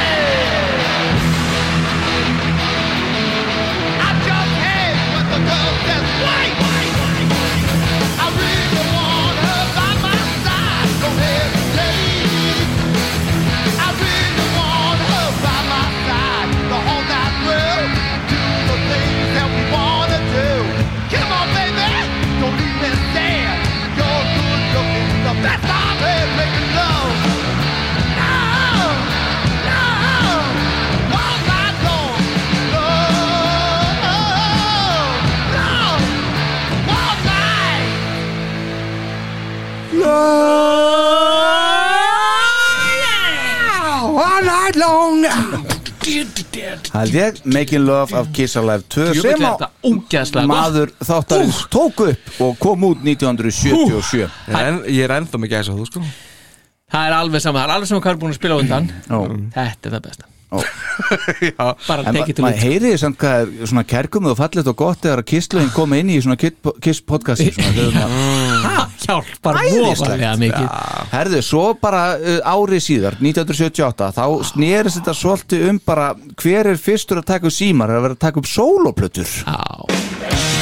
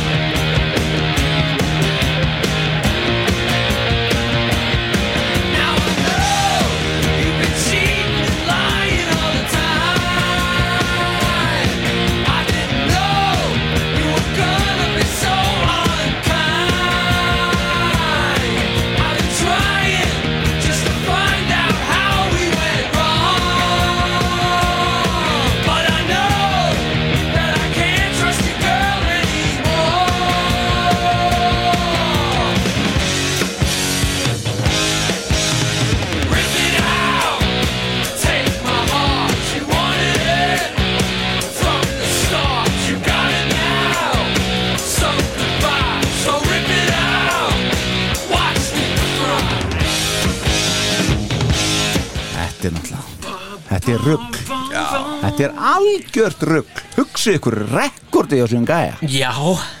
En bara aftur, ég minnst það Pæli byrjun á plötu. Já. Eitt bara, dú, svo bara allt á fullu. Upp í. 11 sko. Þarna, Upp í 11, já, já, já. Samanest hann hérna Landa sínum. Jú, jú, Heldur betur. Figgarónum maður. Figgarinn sko. Heldur betur maður. Hann þekkti hann eitthvað áður sko Var það, já? Já. já alveg, já, já, ymmit, já, við rættum þetta eitthvað. Það var eitthvað, hann var spurður að eða hvort að hann hefði eitthvað komið nálagt hérna stúdíulegurum á Alef 2 sko. Já, Nei, segir hann. Mm. uh, Nei, hann segir, ég man það ekki. Nei. Já. Nei, mm, ok. Maður maður man það ekki sko. Almennt bara. Og já, já, hann ég man var alveg fullt af öðrum hlutum sem Já, jú. Bara En man ég- þetta ekki. Hann man þetta ekki. En ég hef alveg heyrt sko, hérna var ekki, ég var að hlusta á uh, nafnans Eddie Trunk, taka viðtal við hann Eddie Kramer og hérna fyrir ykkur mánuðum síðan í podcastinu sínu og þá sem sagt uh, var Eddie Kramer, hann var ekki alveg í gæsalöpum að muna allt einhvern Nei. veginn og þá þurfti Eddie Trunk ofta svona umorða spurninguna og segja sko, ja, sko en hérna segði mér, Kiss hafa svo sem sagt sjálfur að hérna þetta er svona, svona, svona, svona, svona en, veist, hann var svona að fylla í einhverja eyður fyrir hann, að mm. að að því að hann held kannski að Eddie Kramer myndi ekki vita hvað Kiss er búin að segja sjálfur já, já, já. Já, Einmitt. en talandum viðtal við Eddie Kramer strákar uh, árið 1979 þegar að hitt amælisbarnið Vinni Ponsia sem, hvað sagður hann, ekki amælið hvað, 30. staflis, er það ekki það? 2009 2009, já. já, þegar hann er að taka upp Dynasty já. Þá fer okkar maður Eddie fucking Kramer á stúfana og hann fer á klúb í New York borg sem heitir Detroit mm. og á þessum klúbbi er hljómsveit að spila sem hann hefði fengið veður af Mm. og hann fer og hlustar á þessa tónleika á hundrað manna tónleikum á Detroit klubnum í New York og uh, það var sumsé hljómsveit sem uh, bar nafnið Twisted Sister. Mm. og Eddie Kramer hann tekur Twisted Sister hann 79, uh, eða upp úr 79 held að verið 80 sem þeir fóru svo inn í Electric Lady stúdióið og tóku upp sem sagt uh, eh, svona Rough Cuts heitir hún sem er svona epjaplata fjölög það eru meðal annars Under the Blade sem kom svo síðar út og fleiri lög og ég var að hlusta á podcast núna um helgina frá 1. mars síðastlinum 2022 Já. uh, með honum J.J. Friends uh, sem, akkurat, sem er fættur John Seagal hann var leadgitarist í Twisted Sister og hann er með Eddie Kramer í viðtali og þeir eru að ræða hennan tíma þetta podcast heitir The J.J. Friends Connection og eins og ég segi þátturinn er frá 1. mars síðastlunum og uh, þarna sem sagt uh, fara þeir í Electric Lady Studios og taka upp smá demo. Og að heyra? Já, endilega. endilega heyrum þetta eins og það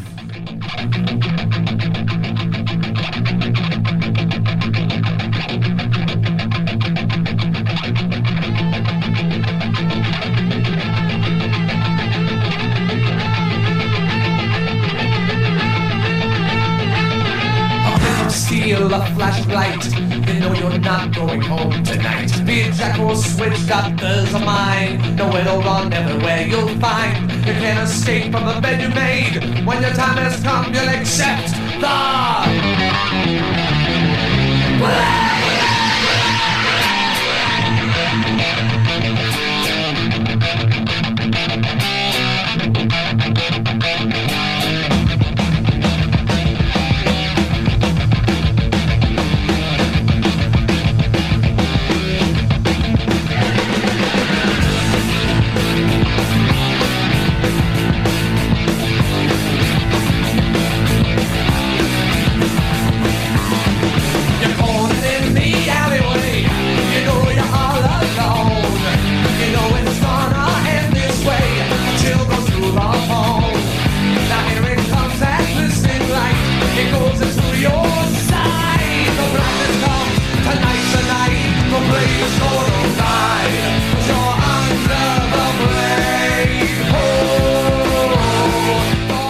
1985 sem þetta lag kemur út á samnöndu plötu og á þeirri plötu var reyndar að finna annað lag það er Under the Blade kom 82 Það komur 82? Já, já. já ok, fyrir ekki og það er alla vegana, maður nú sjá Þarna settur mér svolt út af læginu já, já, ok. já, Hvað ætlaði að koma með svaka tengingu eða? já, svolítið mikla sko. Koma undir það bleiti í alvörin 82 Já, það er debutplata þeirra sko. Ok, Æja, þú verður að vinna það út úr þessu já allir ég veit að ég er að því maður. Er- já, já, nei, ég minn ekki með þögninni. Nei, ég veit að það út í útvarpi. Herra Google er að, er að vinna úr sér þetta ah, hérna. Það er gaman með, með Twisted Sister sko. Þeir Já. voru stopnaðir svona formulega 1972 Já, horri eftir 82 hjá þér. Og þeir voru búin að þetta var bara klubbaband. Mhm. bara alltaf í New York New, og New England. Mhm. Long Island fyrir ekki Mm. og þetta þeir voru bara á þessum túr það var ekkert að gerast nema þegar loksins þegar Eddie Kramer pikkaði það upp setti það í hérna, En í kvördina það, en það sem að ég vildi segja hins vegar Já. sem að ég er búin að ná auðvitað um þetta hérna núna Já, já, gott. skittuna mína Já. það er sem sé að þegar að uh, platan er sem sagt gefin út 85 þá? Ah, já. já, býtu Já, já, já. Endurútgefin 85 já, já, já, já. Fyrirgeðu, það vantaði endurútgefin. Já, já, einmitt. þá er sem sagt þetta lag hérna. I'll never grow up Já. á henni. Og uh, það er sem sagt lag sem var tekið upp af Eddie Kramer og endaði á þessari endurútgáðu sem var ekki á fyrstu útgáðunni 82 sem hárið til þér herrafósiti eru örstutt tóta við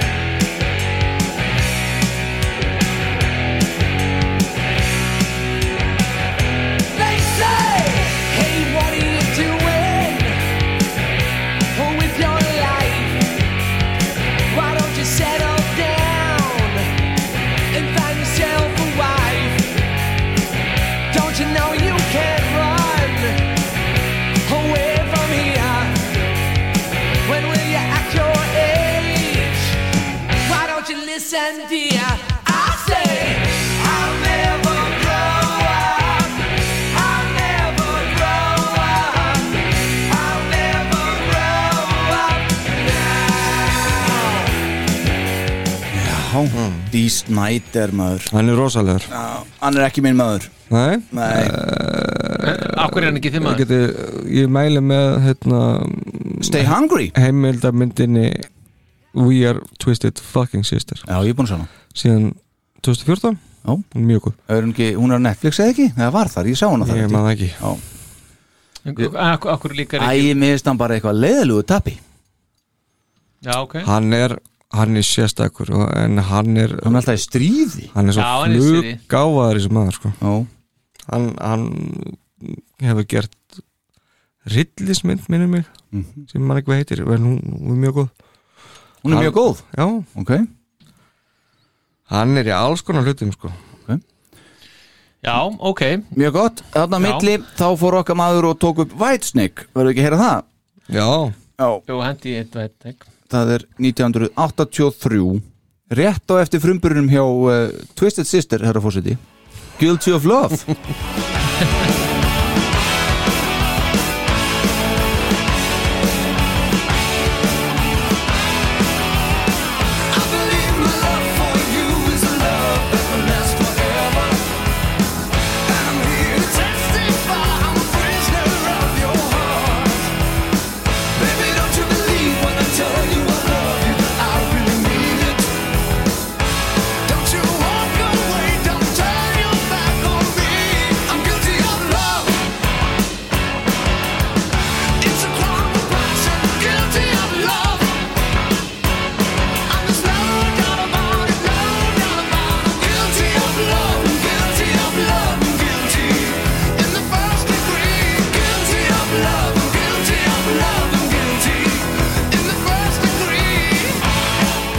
er rock og roll maður Þetta er okkur Já, já.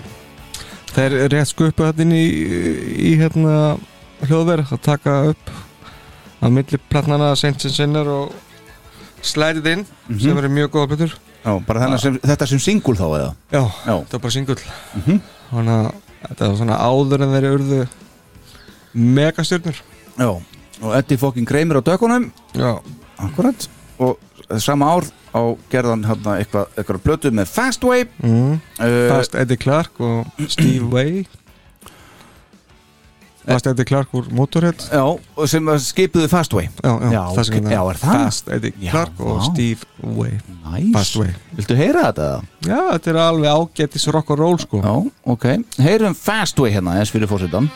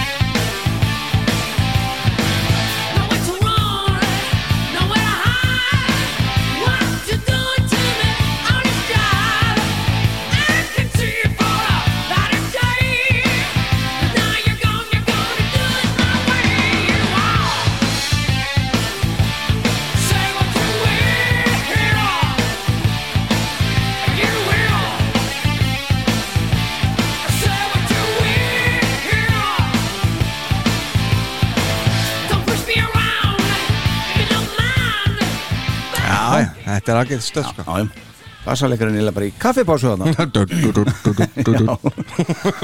Herðu, þetta er, við erum- þetta er 80s maður. Fósittin er á heimavelli hérna. Já, já. Herðu, ok, þá skulum við fara næst í eitthvað sem að ég veit að fósittin er með algjörlega upp á tíu maður. Maður sjá, uh, það er uh, vinur þáttarins Yngvi Málstein Já. Já, er hann mættur til leiks? Já, hann er mættur til leiks hérna. Okkar maður var upptökustjóri á plötunni Disturbing the Peace Já. uh, með Alcatraz. Alcatraz? Það var reyndar aðeins að reyndar var Ingi Malmstín ekki á þessar plötu. Var hann ekki á þessar plötu? Nei, hann var sérst í, í Alcatraz frá 83 til 4 Já. Og svo tók aðeins annar maður við sem heitir Steve Vai. Já, hann er þarna. Hann er á þessar plötu. Hættu þessu maður. Og hann kannski færi þetta gigg þá bara í gegnum hérna uh, hérna fest Hvað sagði ég? Festway Mm. Já. Og það er náttúrulega þetta Allt mjög- er hangir þetta saman með að fyrir að skoða þetta. Graham Bonnet er söngvarið þarna sem að var í Rainbow. Rainbow. Já. Söngan það 79 uh, down, down to Earth. Og hann syngur þetta? Já, Já. Þetta er bandið hans. Og hver eru fleiri? Ég manna það ekki. Nei. að, Þetta er bara mjög vel munna Heldur betur maður. Jó, heyrða þess Mjög vel munna Já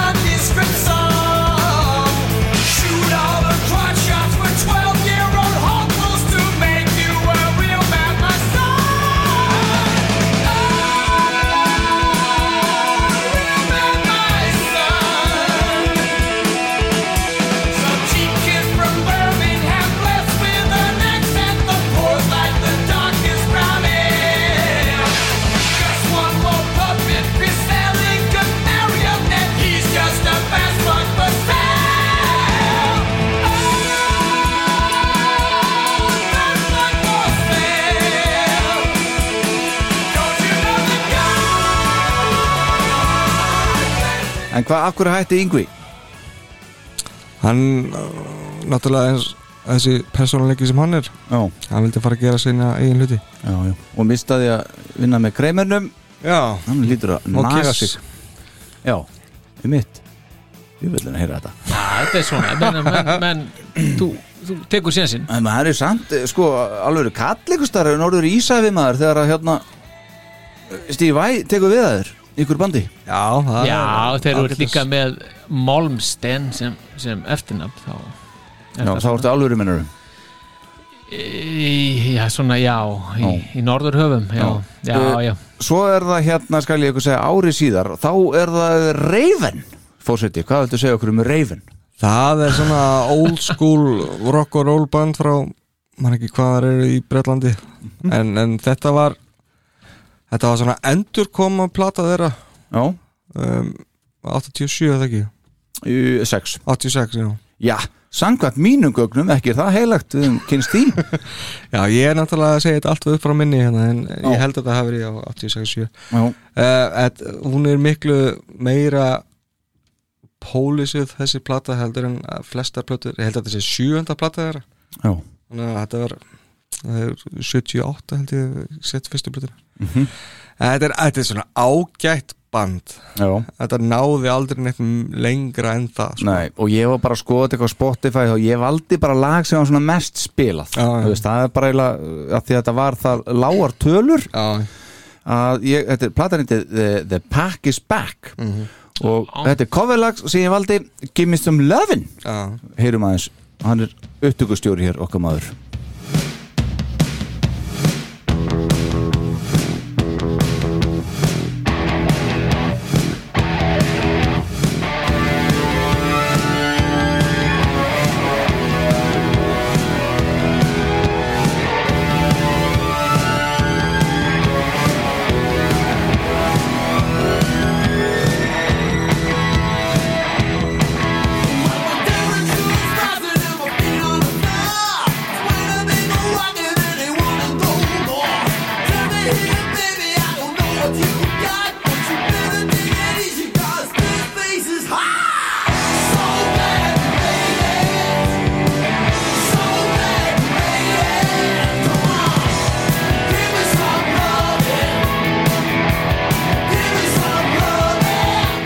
held ég. Mm. endurkomin plata náði kannski ekki alveg beint í mark eða hvað? Nei, Nei. ekki alveg.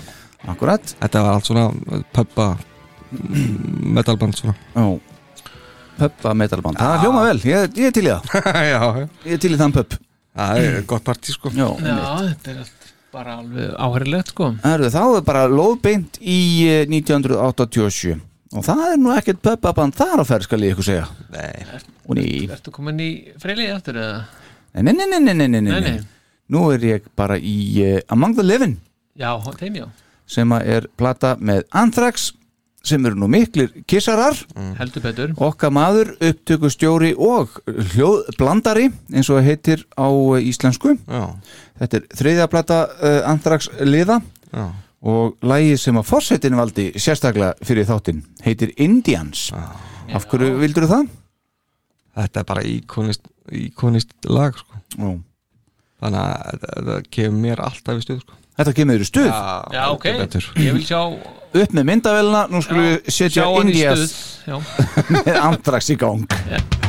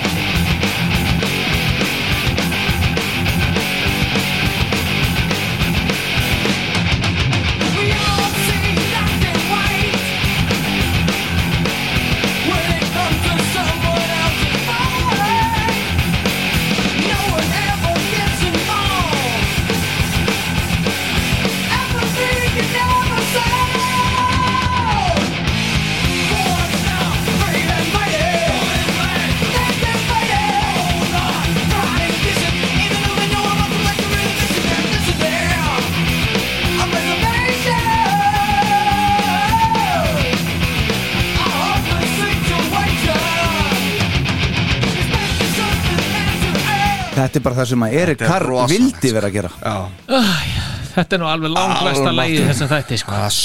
Versta? Já. Nei, nei, nei Ég var bara að koma því að sko. Já, takk fyrir það herra. Já, já. gera það, sko. Já, sjálfsögðu. Þetta er bara já. En Anthrax er alveg band sko. Þetta er náttúrulega Já, Rákett Kistlöðin sem er á kofari, já. En, en, já Herðu, þá skulum við bara halda okkur innan sama árs og það var bara jálað að gera hjá honum þetta ár. Já. Og uh, þá skulum við fara yfir í okkar mann. Atje Freley, hann uh, komið uh, uh, plötu þarna. Já, Freelist Comet. Mm. Já.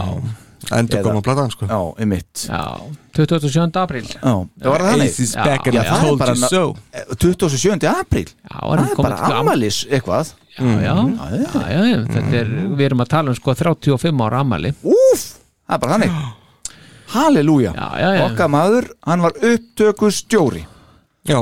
Já, já, já hann var þannig og, og bara frábær plata eins og við höfum við náttúrulega búin að Taka hana fyrir. fyrir þessa Mhm, plötu já.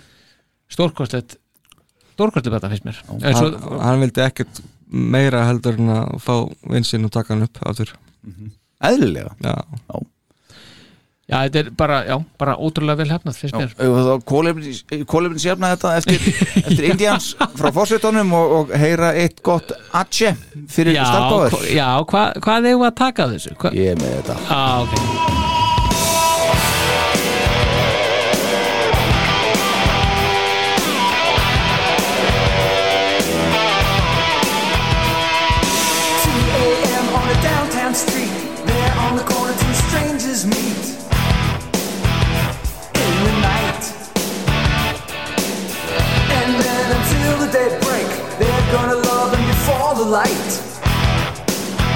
Oh.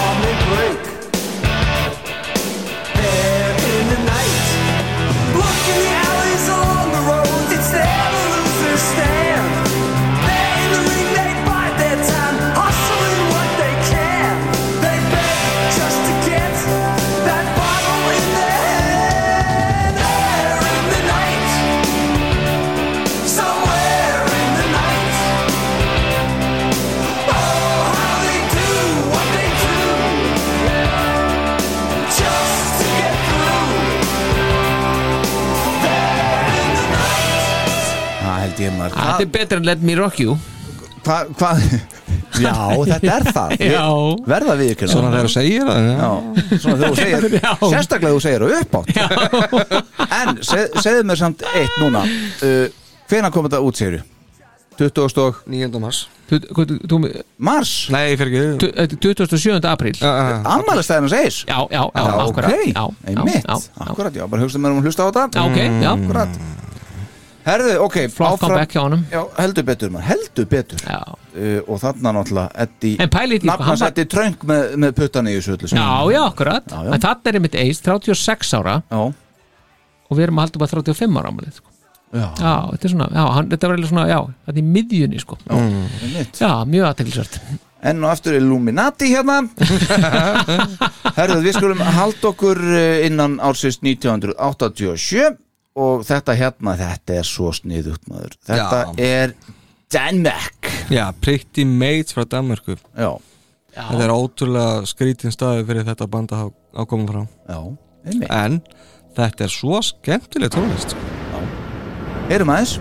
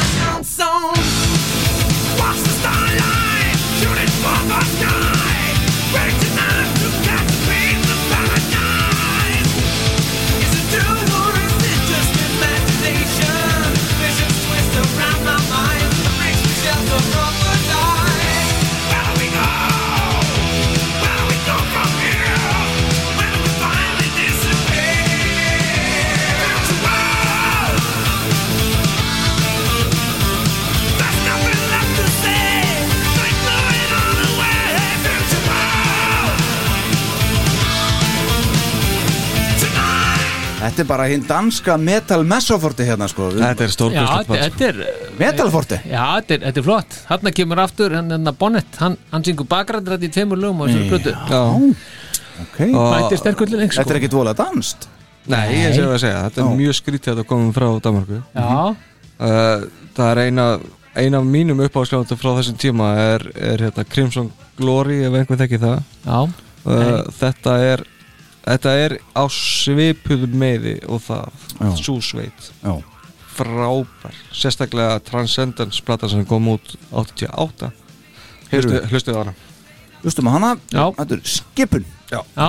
Við erum orð. lóðbeindi það eftir þátt hlusta á hana uh, Það reyndar sennilega að hlusta á þetta aftur til að muna hvað þetta var sem hann hlusta á en ég sendi skilabóð Starbauer Já, takk fyrir, það væri mjög gott. uh, og þá skulum við bara halda uh, áfram í uh, sömu snildarsveitinni og við hlustum á áðan Andrax Þetta gaman, er hins vegar uh, svona, smá remix svona. Já, Já þetta náði á top 10 í, í Englandi. Já, þetta það Þetta var mikið spilað í partíum hjá mér Já. og í mínum vinnahóp þegar ég var krakki Hvað er þetta? 87, sagði þið já, ekki? þetta er í sjö ára og átta ára ámálum Nei, ég er 8 ára, þetta er aðeins síðar sem þetta spilað, ég er kannski Já. 13, 14, mikið Já, spilað já. Heyrum aðeins Já.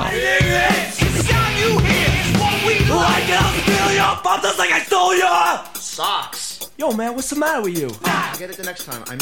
Charlie, beat the beat the beat you beat. The only thing the smell of my feet. So listen, of course you might get dissed. Don't train the lizard or take a share. Damn. Come on, man, you all. What's the beat? I'm on your case, I'm in your face, I'm you in your bottom back and wait. Step up, sucker, understand? Don't you know that? I'm the man! I'm the man! I'm so bad I should be detention! I'm the man! We got real death villains!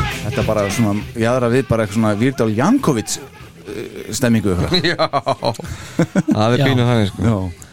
Herðu, ok uh, geti verið að þú hefur hlust þetta á, af Attack of the Killer Bees Plötunni sem kom Já, 91 líka, sko. líka Já, já Alveg klálega, eins og Parasite til Já, dæmis akkurat, akkurat. Já, það var gott Það var nú alltaf svona cover. go-to platan hjá mér sko lengi vel með Anthrax mm. Svo kynntist maður Pipeline og einhverju svona dæmi maður Já, geggjað, Já, sko. frábært Herðu, ok Er það ekki að þessari blötu? Nei. Það er sérst af hérna Nei. Nei, ok, það er af penningufeysin Já. Uh, Hann remixaði svo uh, lag sem hann tóku upp að nokkrum árum fyrr af Smashers Thrashes and Hits þess að þetta lag fór þangað og þetta var remix af Love Gun. Mm. þurfum kannski ekki endilega að hlusta á það það er 88 og 89 er hann mættur aftur í uh, vandræðin með Ace Frehley. Já, gangandi vandræði gangandi vandræði. And trouble walking. Ég herði já, hún heiti það einmitt líka. Vill þannig til, já. Nú já, ok. Já, já, já, já. upptökustjóri aftur og hljóðblandari. Já. Allt saman sko. Voru við búin að taka þessu plötu fyrir það? Nei, alls, alls ekki. Þetta er geggjuð plata. Þess vegna ætlum við að fara bara svona mjög dipl og leið með þetta og spila bara lag nummer eitt. Mm. Já. ekkert að, að gefa neitt upp hér. Smá taste Smá þetta er bara ekki það lag sem er mest spilað þetta er bara lag nummer eitt á Það er frábært lag. Frábært Shut. Full of Rock, mm. heyrum við það eins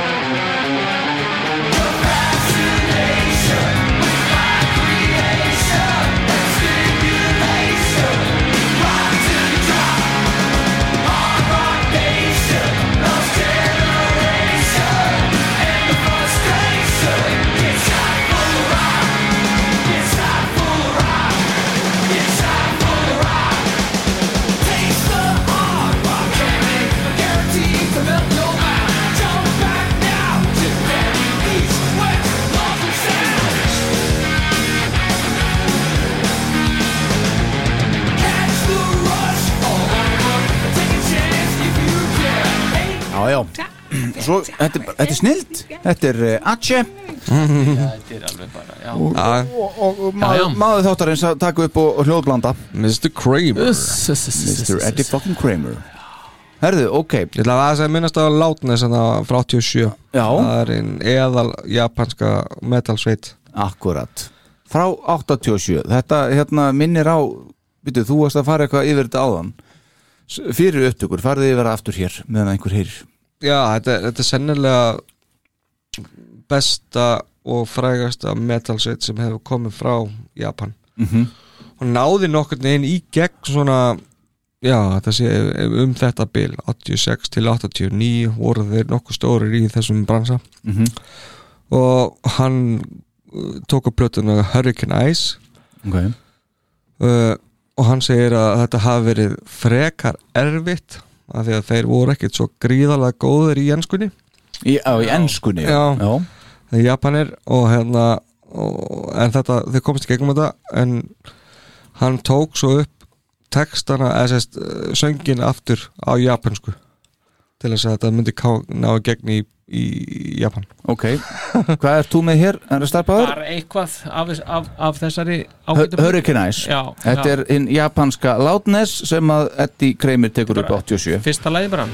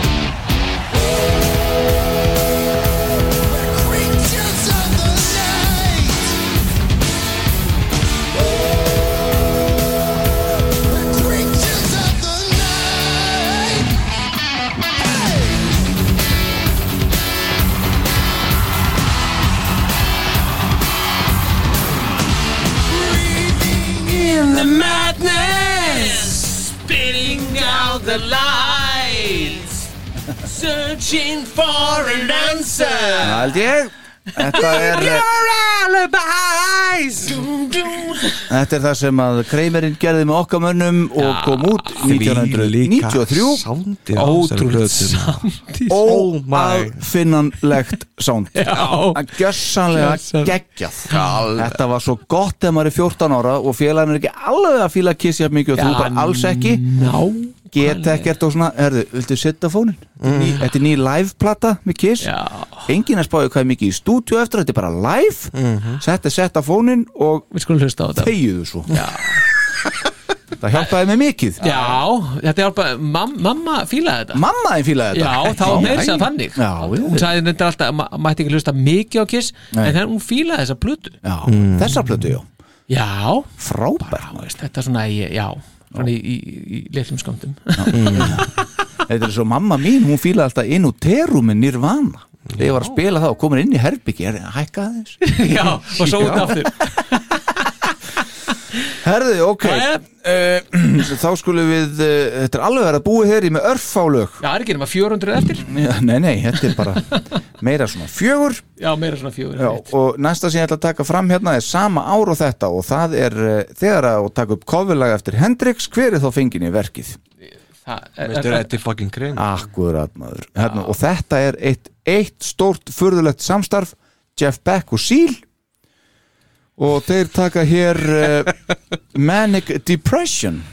Já, Hafið þér þetta? Nei, það er ekki. Heyrum aðeins.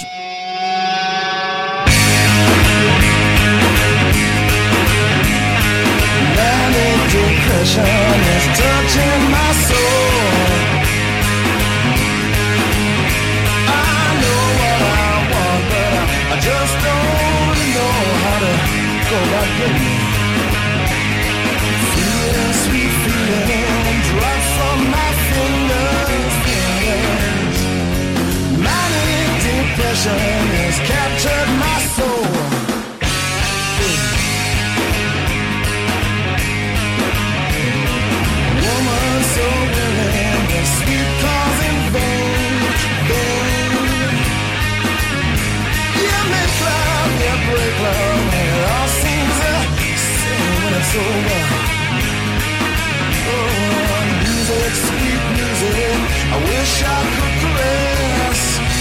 my tenderness. Now, manic depression's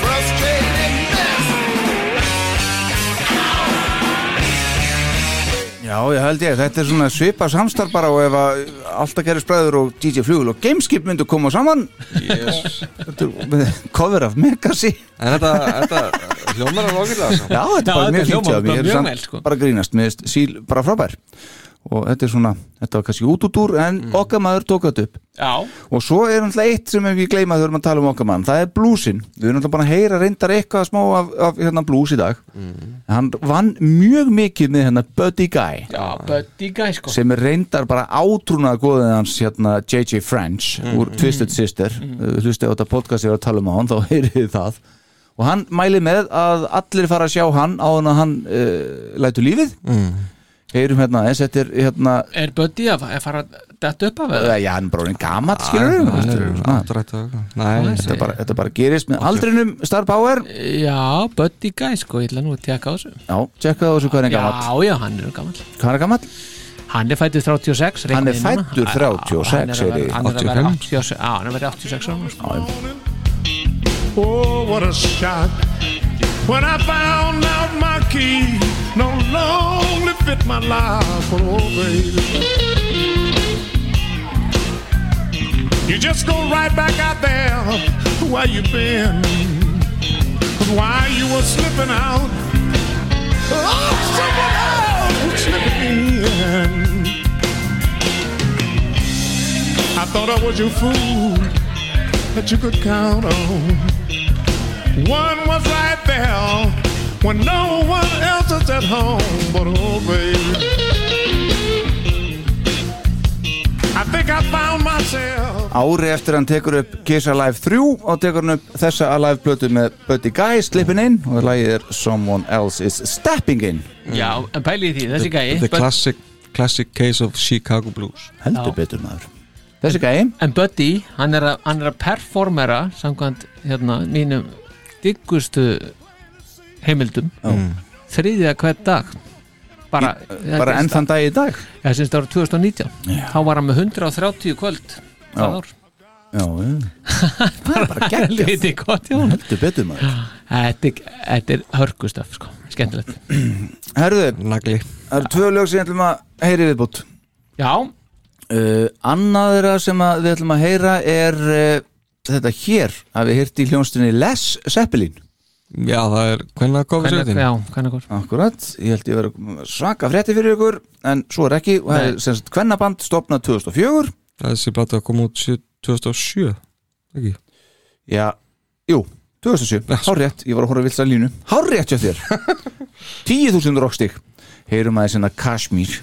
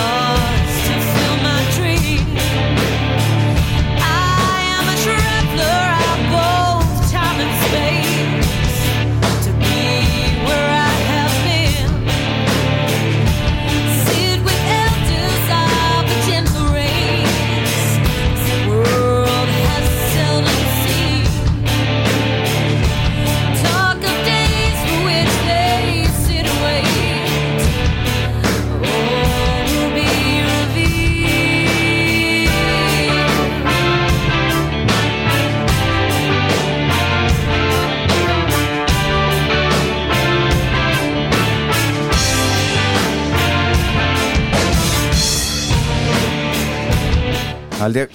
Vel spilandi band.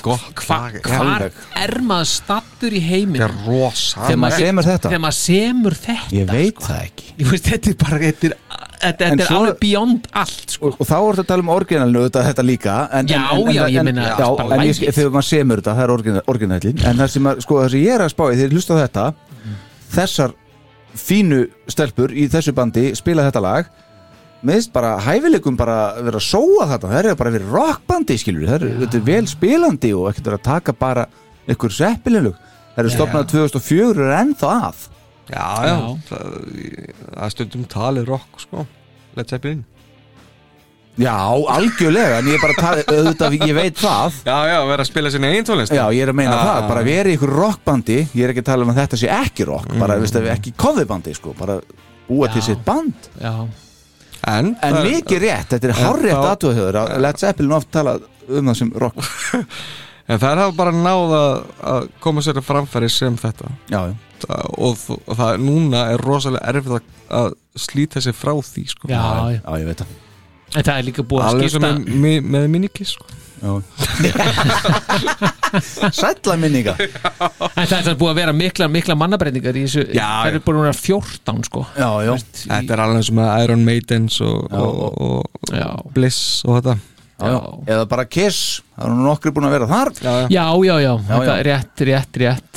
Herðu, hárrétt. Æ, Þetta er ekki ekki að Herðu, að gera þetta eitthvað upp? Eddie fucking Kramer. Þetta Já. er bara, hérna, maður uh, nýbúna eiga afmæli. 80, 80 Kramer Já, þeir eru jætlandar Hann og Vinnie Bonziva þeir eru jafnaldrar Já. bara nánast upp á dag, þannig Já, já, tíu dagar á milli þeirra Eitthvað svo þess Já. Já, það hefur verið góð vika hérna eða góði tíu dagar Já. fyrir rocksóna Já, og það er svona ekkit rosa mikið svona frétta frá Eddie svona þegar maður horfir á svona síðustu Já, síðustu 10 ár. 10-15 árin en hann náttúrulega er mikið bara uh, kenna og halda Já. fyrirlestra og, Taka við einhverjum Verðlaunum. Velunum og svona já, og selja skarpgripi Já, fyrir þetta já, og trefla fyrir 70.000 Mm. og eitthvað Já, þetta er, þetta er svona á, á, á Er þú dögdu- úr, Kasmíru það? Hey. Þetta var skurta nú eitthvað, eitthvað stefið ekki Nei, þetta er úr íslensku en,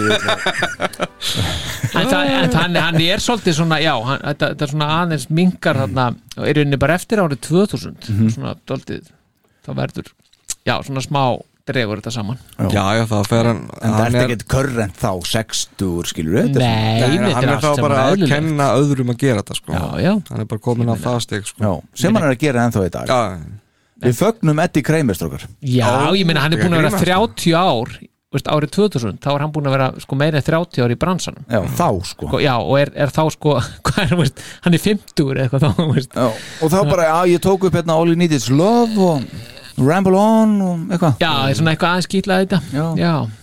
Já, já, þetta er ótrúlegt. Love Gun. En sko e, með við dæmin sem við erum búin að fá hérna hann náttúrulega getum hlusta á hann í ein- 131 klukkustund sko. Og þetta er náttúrulega bara brot. Já, ég segi það, þetta er bara brot. Já. og þá velti, sko, er hann að því að Bob Esrin hann var svolítið svona hingað og þangað. Mhm. man, man, er, man fær tilfengun að Eddie Kramer sé svona, hann, hann, hann, svona þrengra svið Mhm. sem hann vinnur á sko. Já, Hann er samt með Buddy Guy og Indians með hérna, Já, já, veist. Já, já, já, hann er það, klárlega. En mér fannst svona Esrin vera svona, meira bara eitthvað svona, út og Já, söður sko. Ég held að Eddie Kramer sé bara meira bara veit er veginn stefna. Já, já, Já, ég menna, hann hefur sína sín sko og, og það sem hann kann. Já, það ger það, og það er svona mest megnis í þessari genre sko, Já. bara rock og metal Já, þannig að hann heldur sér bara við það og gera það gríðalega vel og ég er mjög þakkláttur fyrir það. Já. Þessi, og, og þess vegna og það er eina ástæðanum fyrir að ég met hann mikið betur heldur en heldur en Ers er bara alveg eins og við starfpáðu gerum. Já, Já, svona, já, ég menn í heildarsamenginu sko. Já. Við vorum náttúrulega ekki að tala um hann í heildarsamenginu þarna í þætti þrjú eða hvernig sem það var. Já, einmitt Við vorum svo litlir, hvað Já, er þetta að vera já, já. að reka þetta ofan einhver núna? Ég held ekki orðið, var, var ekki þetta var náttúrulega alltaf bara basic að þetta skildi koma þannig út en Já, en ég þarf aðeins að hlusta á þetta aftur Ég ætla ekki að Já. bekja þetta alveg strax Já, það er alltaf bekina sko, en það er bara spurning hvað forsendur þú gefur sko. ja, batnandi mönnum og allt það Já, ég þarf að heyra fórsætturinn, ég er að meina það sko. Já, já, forsendur voru sko að hafa áhrif á kissi sko. Já, já, já. og það já, já, ég fer Þa, það, það er alveg Bob Essin er lóðbent með mjög sterk áhrif þar Já, og breytir mjög miklu. Já, já, og fóru já. svo bara beint tilbaka. Já, akkurat. Já, já. Þegar þú að ná í sko, Beth náði nú í ansi marga nýja hlustendur og svo ferður bara beint tilbaka og þá eru bara allir á vagninum áfram. Já. Þetta er bara Þetta er bara solid. Ah, Er marketing 101 En þú myndist ekkert á Michael Stanley band? Nei, en ég sá það sko, eins og ég sagði. Þetta er náttúrulega bara, þú veist Já, ég veit að bara, Brot brot. bara gott að koma því að. Já, já, Michael Stanley band er þetta Já, og já, já. það er eitt af þessu böndu sem verður með bara þú veist, 3000 hlustendur á þú veist, Já, ég get ímyndað með það. North Coast, platan North Coast. bara, já, náttúrulega Angel hann brotisöður þá líka. Angel, já, sem voru, já. já, sem voru á Casablanca Records. Já. Og hérna áttu að vera þeir áttu að vera svona já, Casablanca sp- splæst í það. Já, þeir áttu að vera hérna ansvari við Kiss. Já. Þess, Kiss voru svartir og leður og bla bla bla. Angel voru veist, alveg hvítir. Hvítir. Já, já. og með hvít ár og allt Og eins og vin, vinterbræðunni bara. Já. Þeir eru verið pot, alveg smellpassað í það. Þetta er- ágætist tónlist sko en bara lukkið það bara neða, þetta er alltaf pretentious Herðu, þetta er að verða komin í þrýr tímar og komin hrútalegt enninni já. uh, Sko, nú skulum við fara að hætta þessu og við ætla að enda þetta á, hverju? hans besta vini Mr. Hendrix. Já, uh, stopnanda Electric Lady Studios. Og Já, sem, að, sem að kostaði miljón dólara spáði það. Á, á sínum tíma var svo þægilt að eiga bara eigið stúdjó Já, það er gott að það er gott að eiga Já, fyrst svona, bara eins og ég á þetta. Akkurat, þetta er nú svona þitt Electric Lady, já, það er rétt. Svipaða peningur sem fór í það. eða að finna hérna eitthvað gott nafn á þetta. Nei, pæli í því, það getur verið að verði Nóskast einhver tíman þá verður þetta svona einhver, einhver demantur hérna í hafnafjörðum engin hérna inni fattar það Já, núna fólk, sko. fólk kemur bara Nei. hérna í bíleikarinsferð og, Já. og bankar á hérna og ligguð fyrir utan há grátandi bara Ég meina, taka hugsa- myndir að sér einhverju þá eru þú löngu fluttur eitthvert já, já, og bara, veist, þetta verður bara ég er bara í miðasölunni ég hugsa það. Herðu, við ætlum að enda þetta á upptöku frá 1969 Mm. Okkar maður tekur þetta upp á Woodstock átíðinni það árið þetta Já. kom ekki út fyrir en 30 árum síðar Nei. 1999, sama áru útstökk var haldin í annað sinn. Já, það tókst ekki alveg að á það Nei, enda líka sko hefur alveg átt að sleppa því. Algjörlega. Bara 100% bara leiður þess að vera svona í minningunni. Hver- Var hún 94? Nei, 99 99, já, já, já. Þetta er eh, 69 pluss 30 herra fórseti Já. Ég, Við veitum nú hvernig þú ert að rekna við, Já Hvað, 750 pluss 150 eða ekki? En þetta var nú út úr dúr í best afsökunar. Heyrum Jimi Hendrix taka þjóðsöng um bandaríkana Hvað er það er? Æ, bara kom svo fyrir og að tengingin er svo að að Brúsarinn sko. Akkurat, það er tengingin. Strákar, Eddi Kreimir, átt Takk fyrir mig. Já, ég þátt Ég var ekki að sjá þessi þáttum myndi endast þessi stuga fyrir, til að koma þetta í Jú. Nei, ég var að, ég- á tíðanbili alveg Já, ok Takk fyrir kominastrókar Takk fyrir að vera með.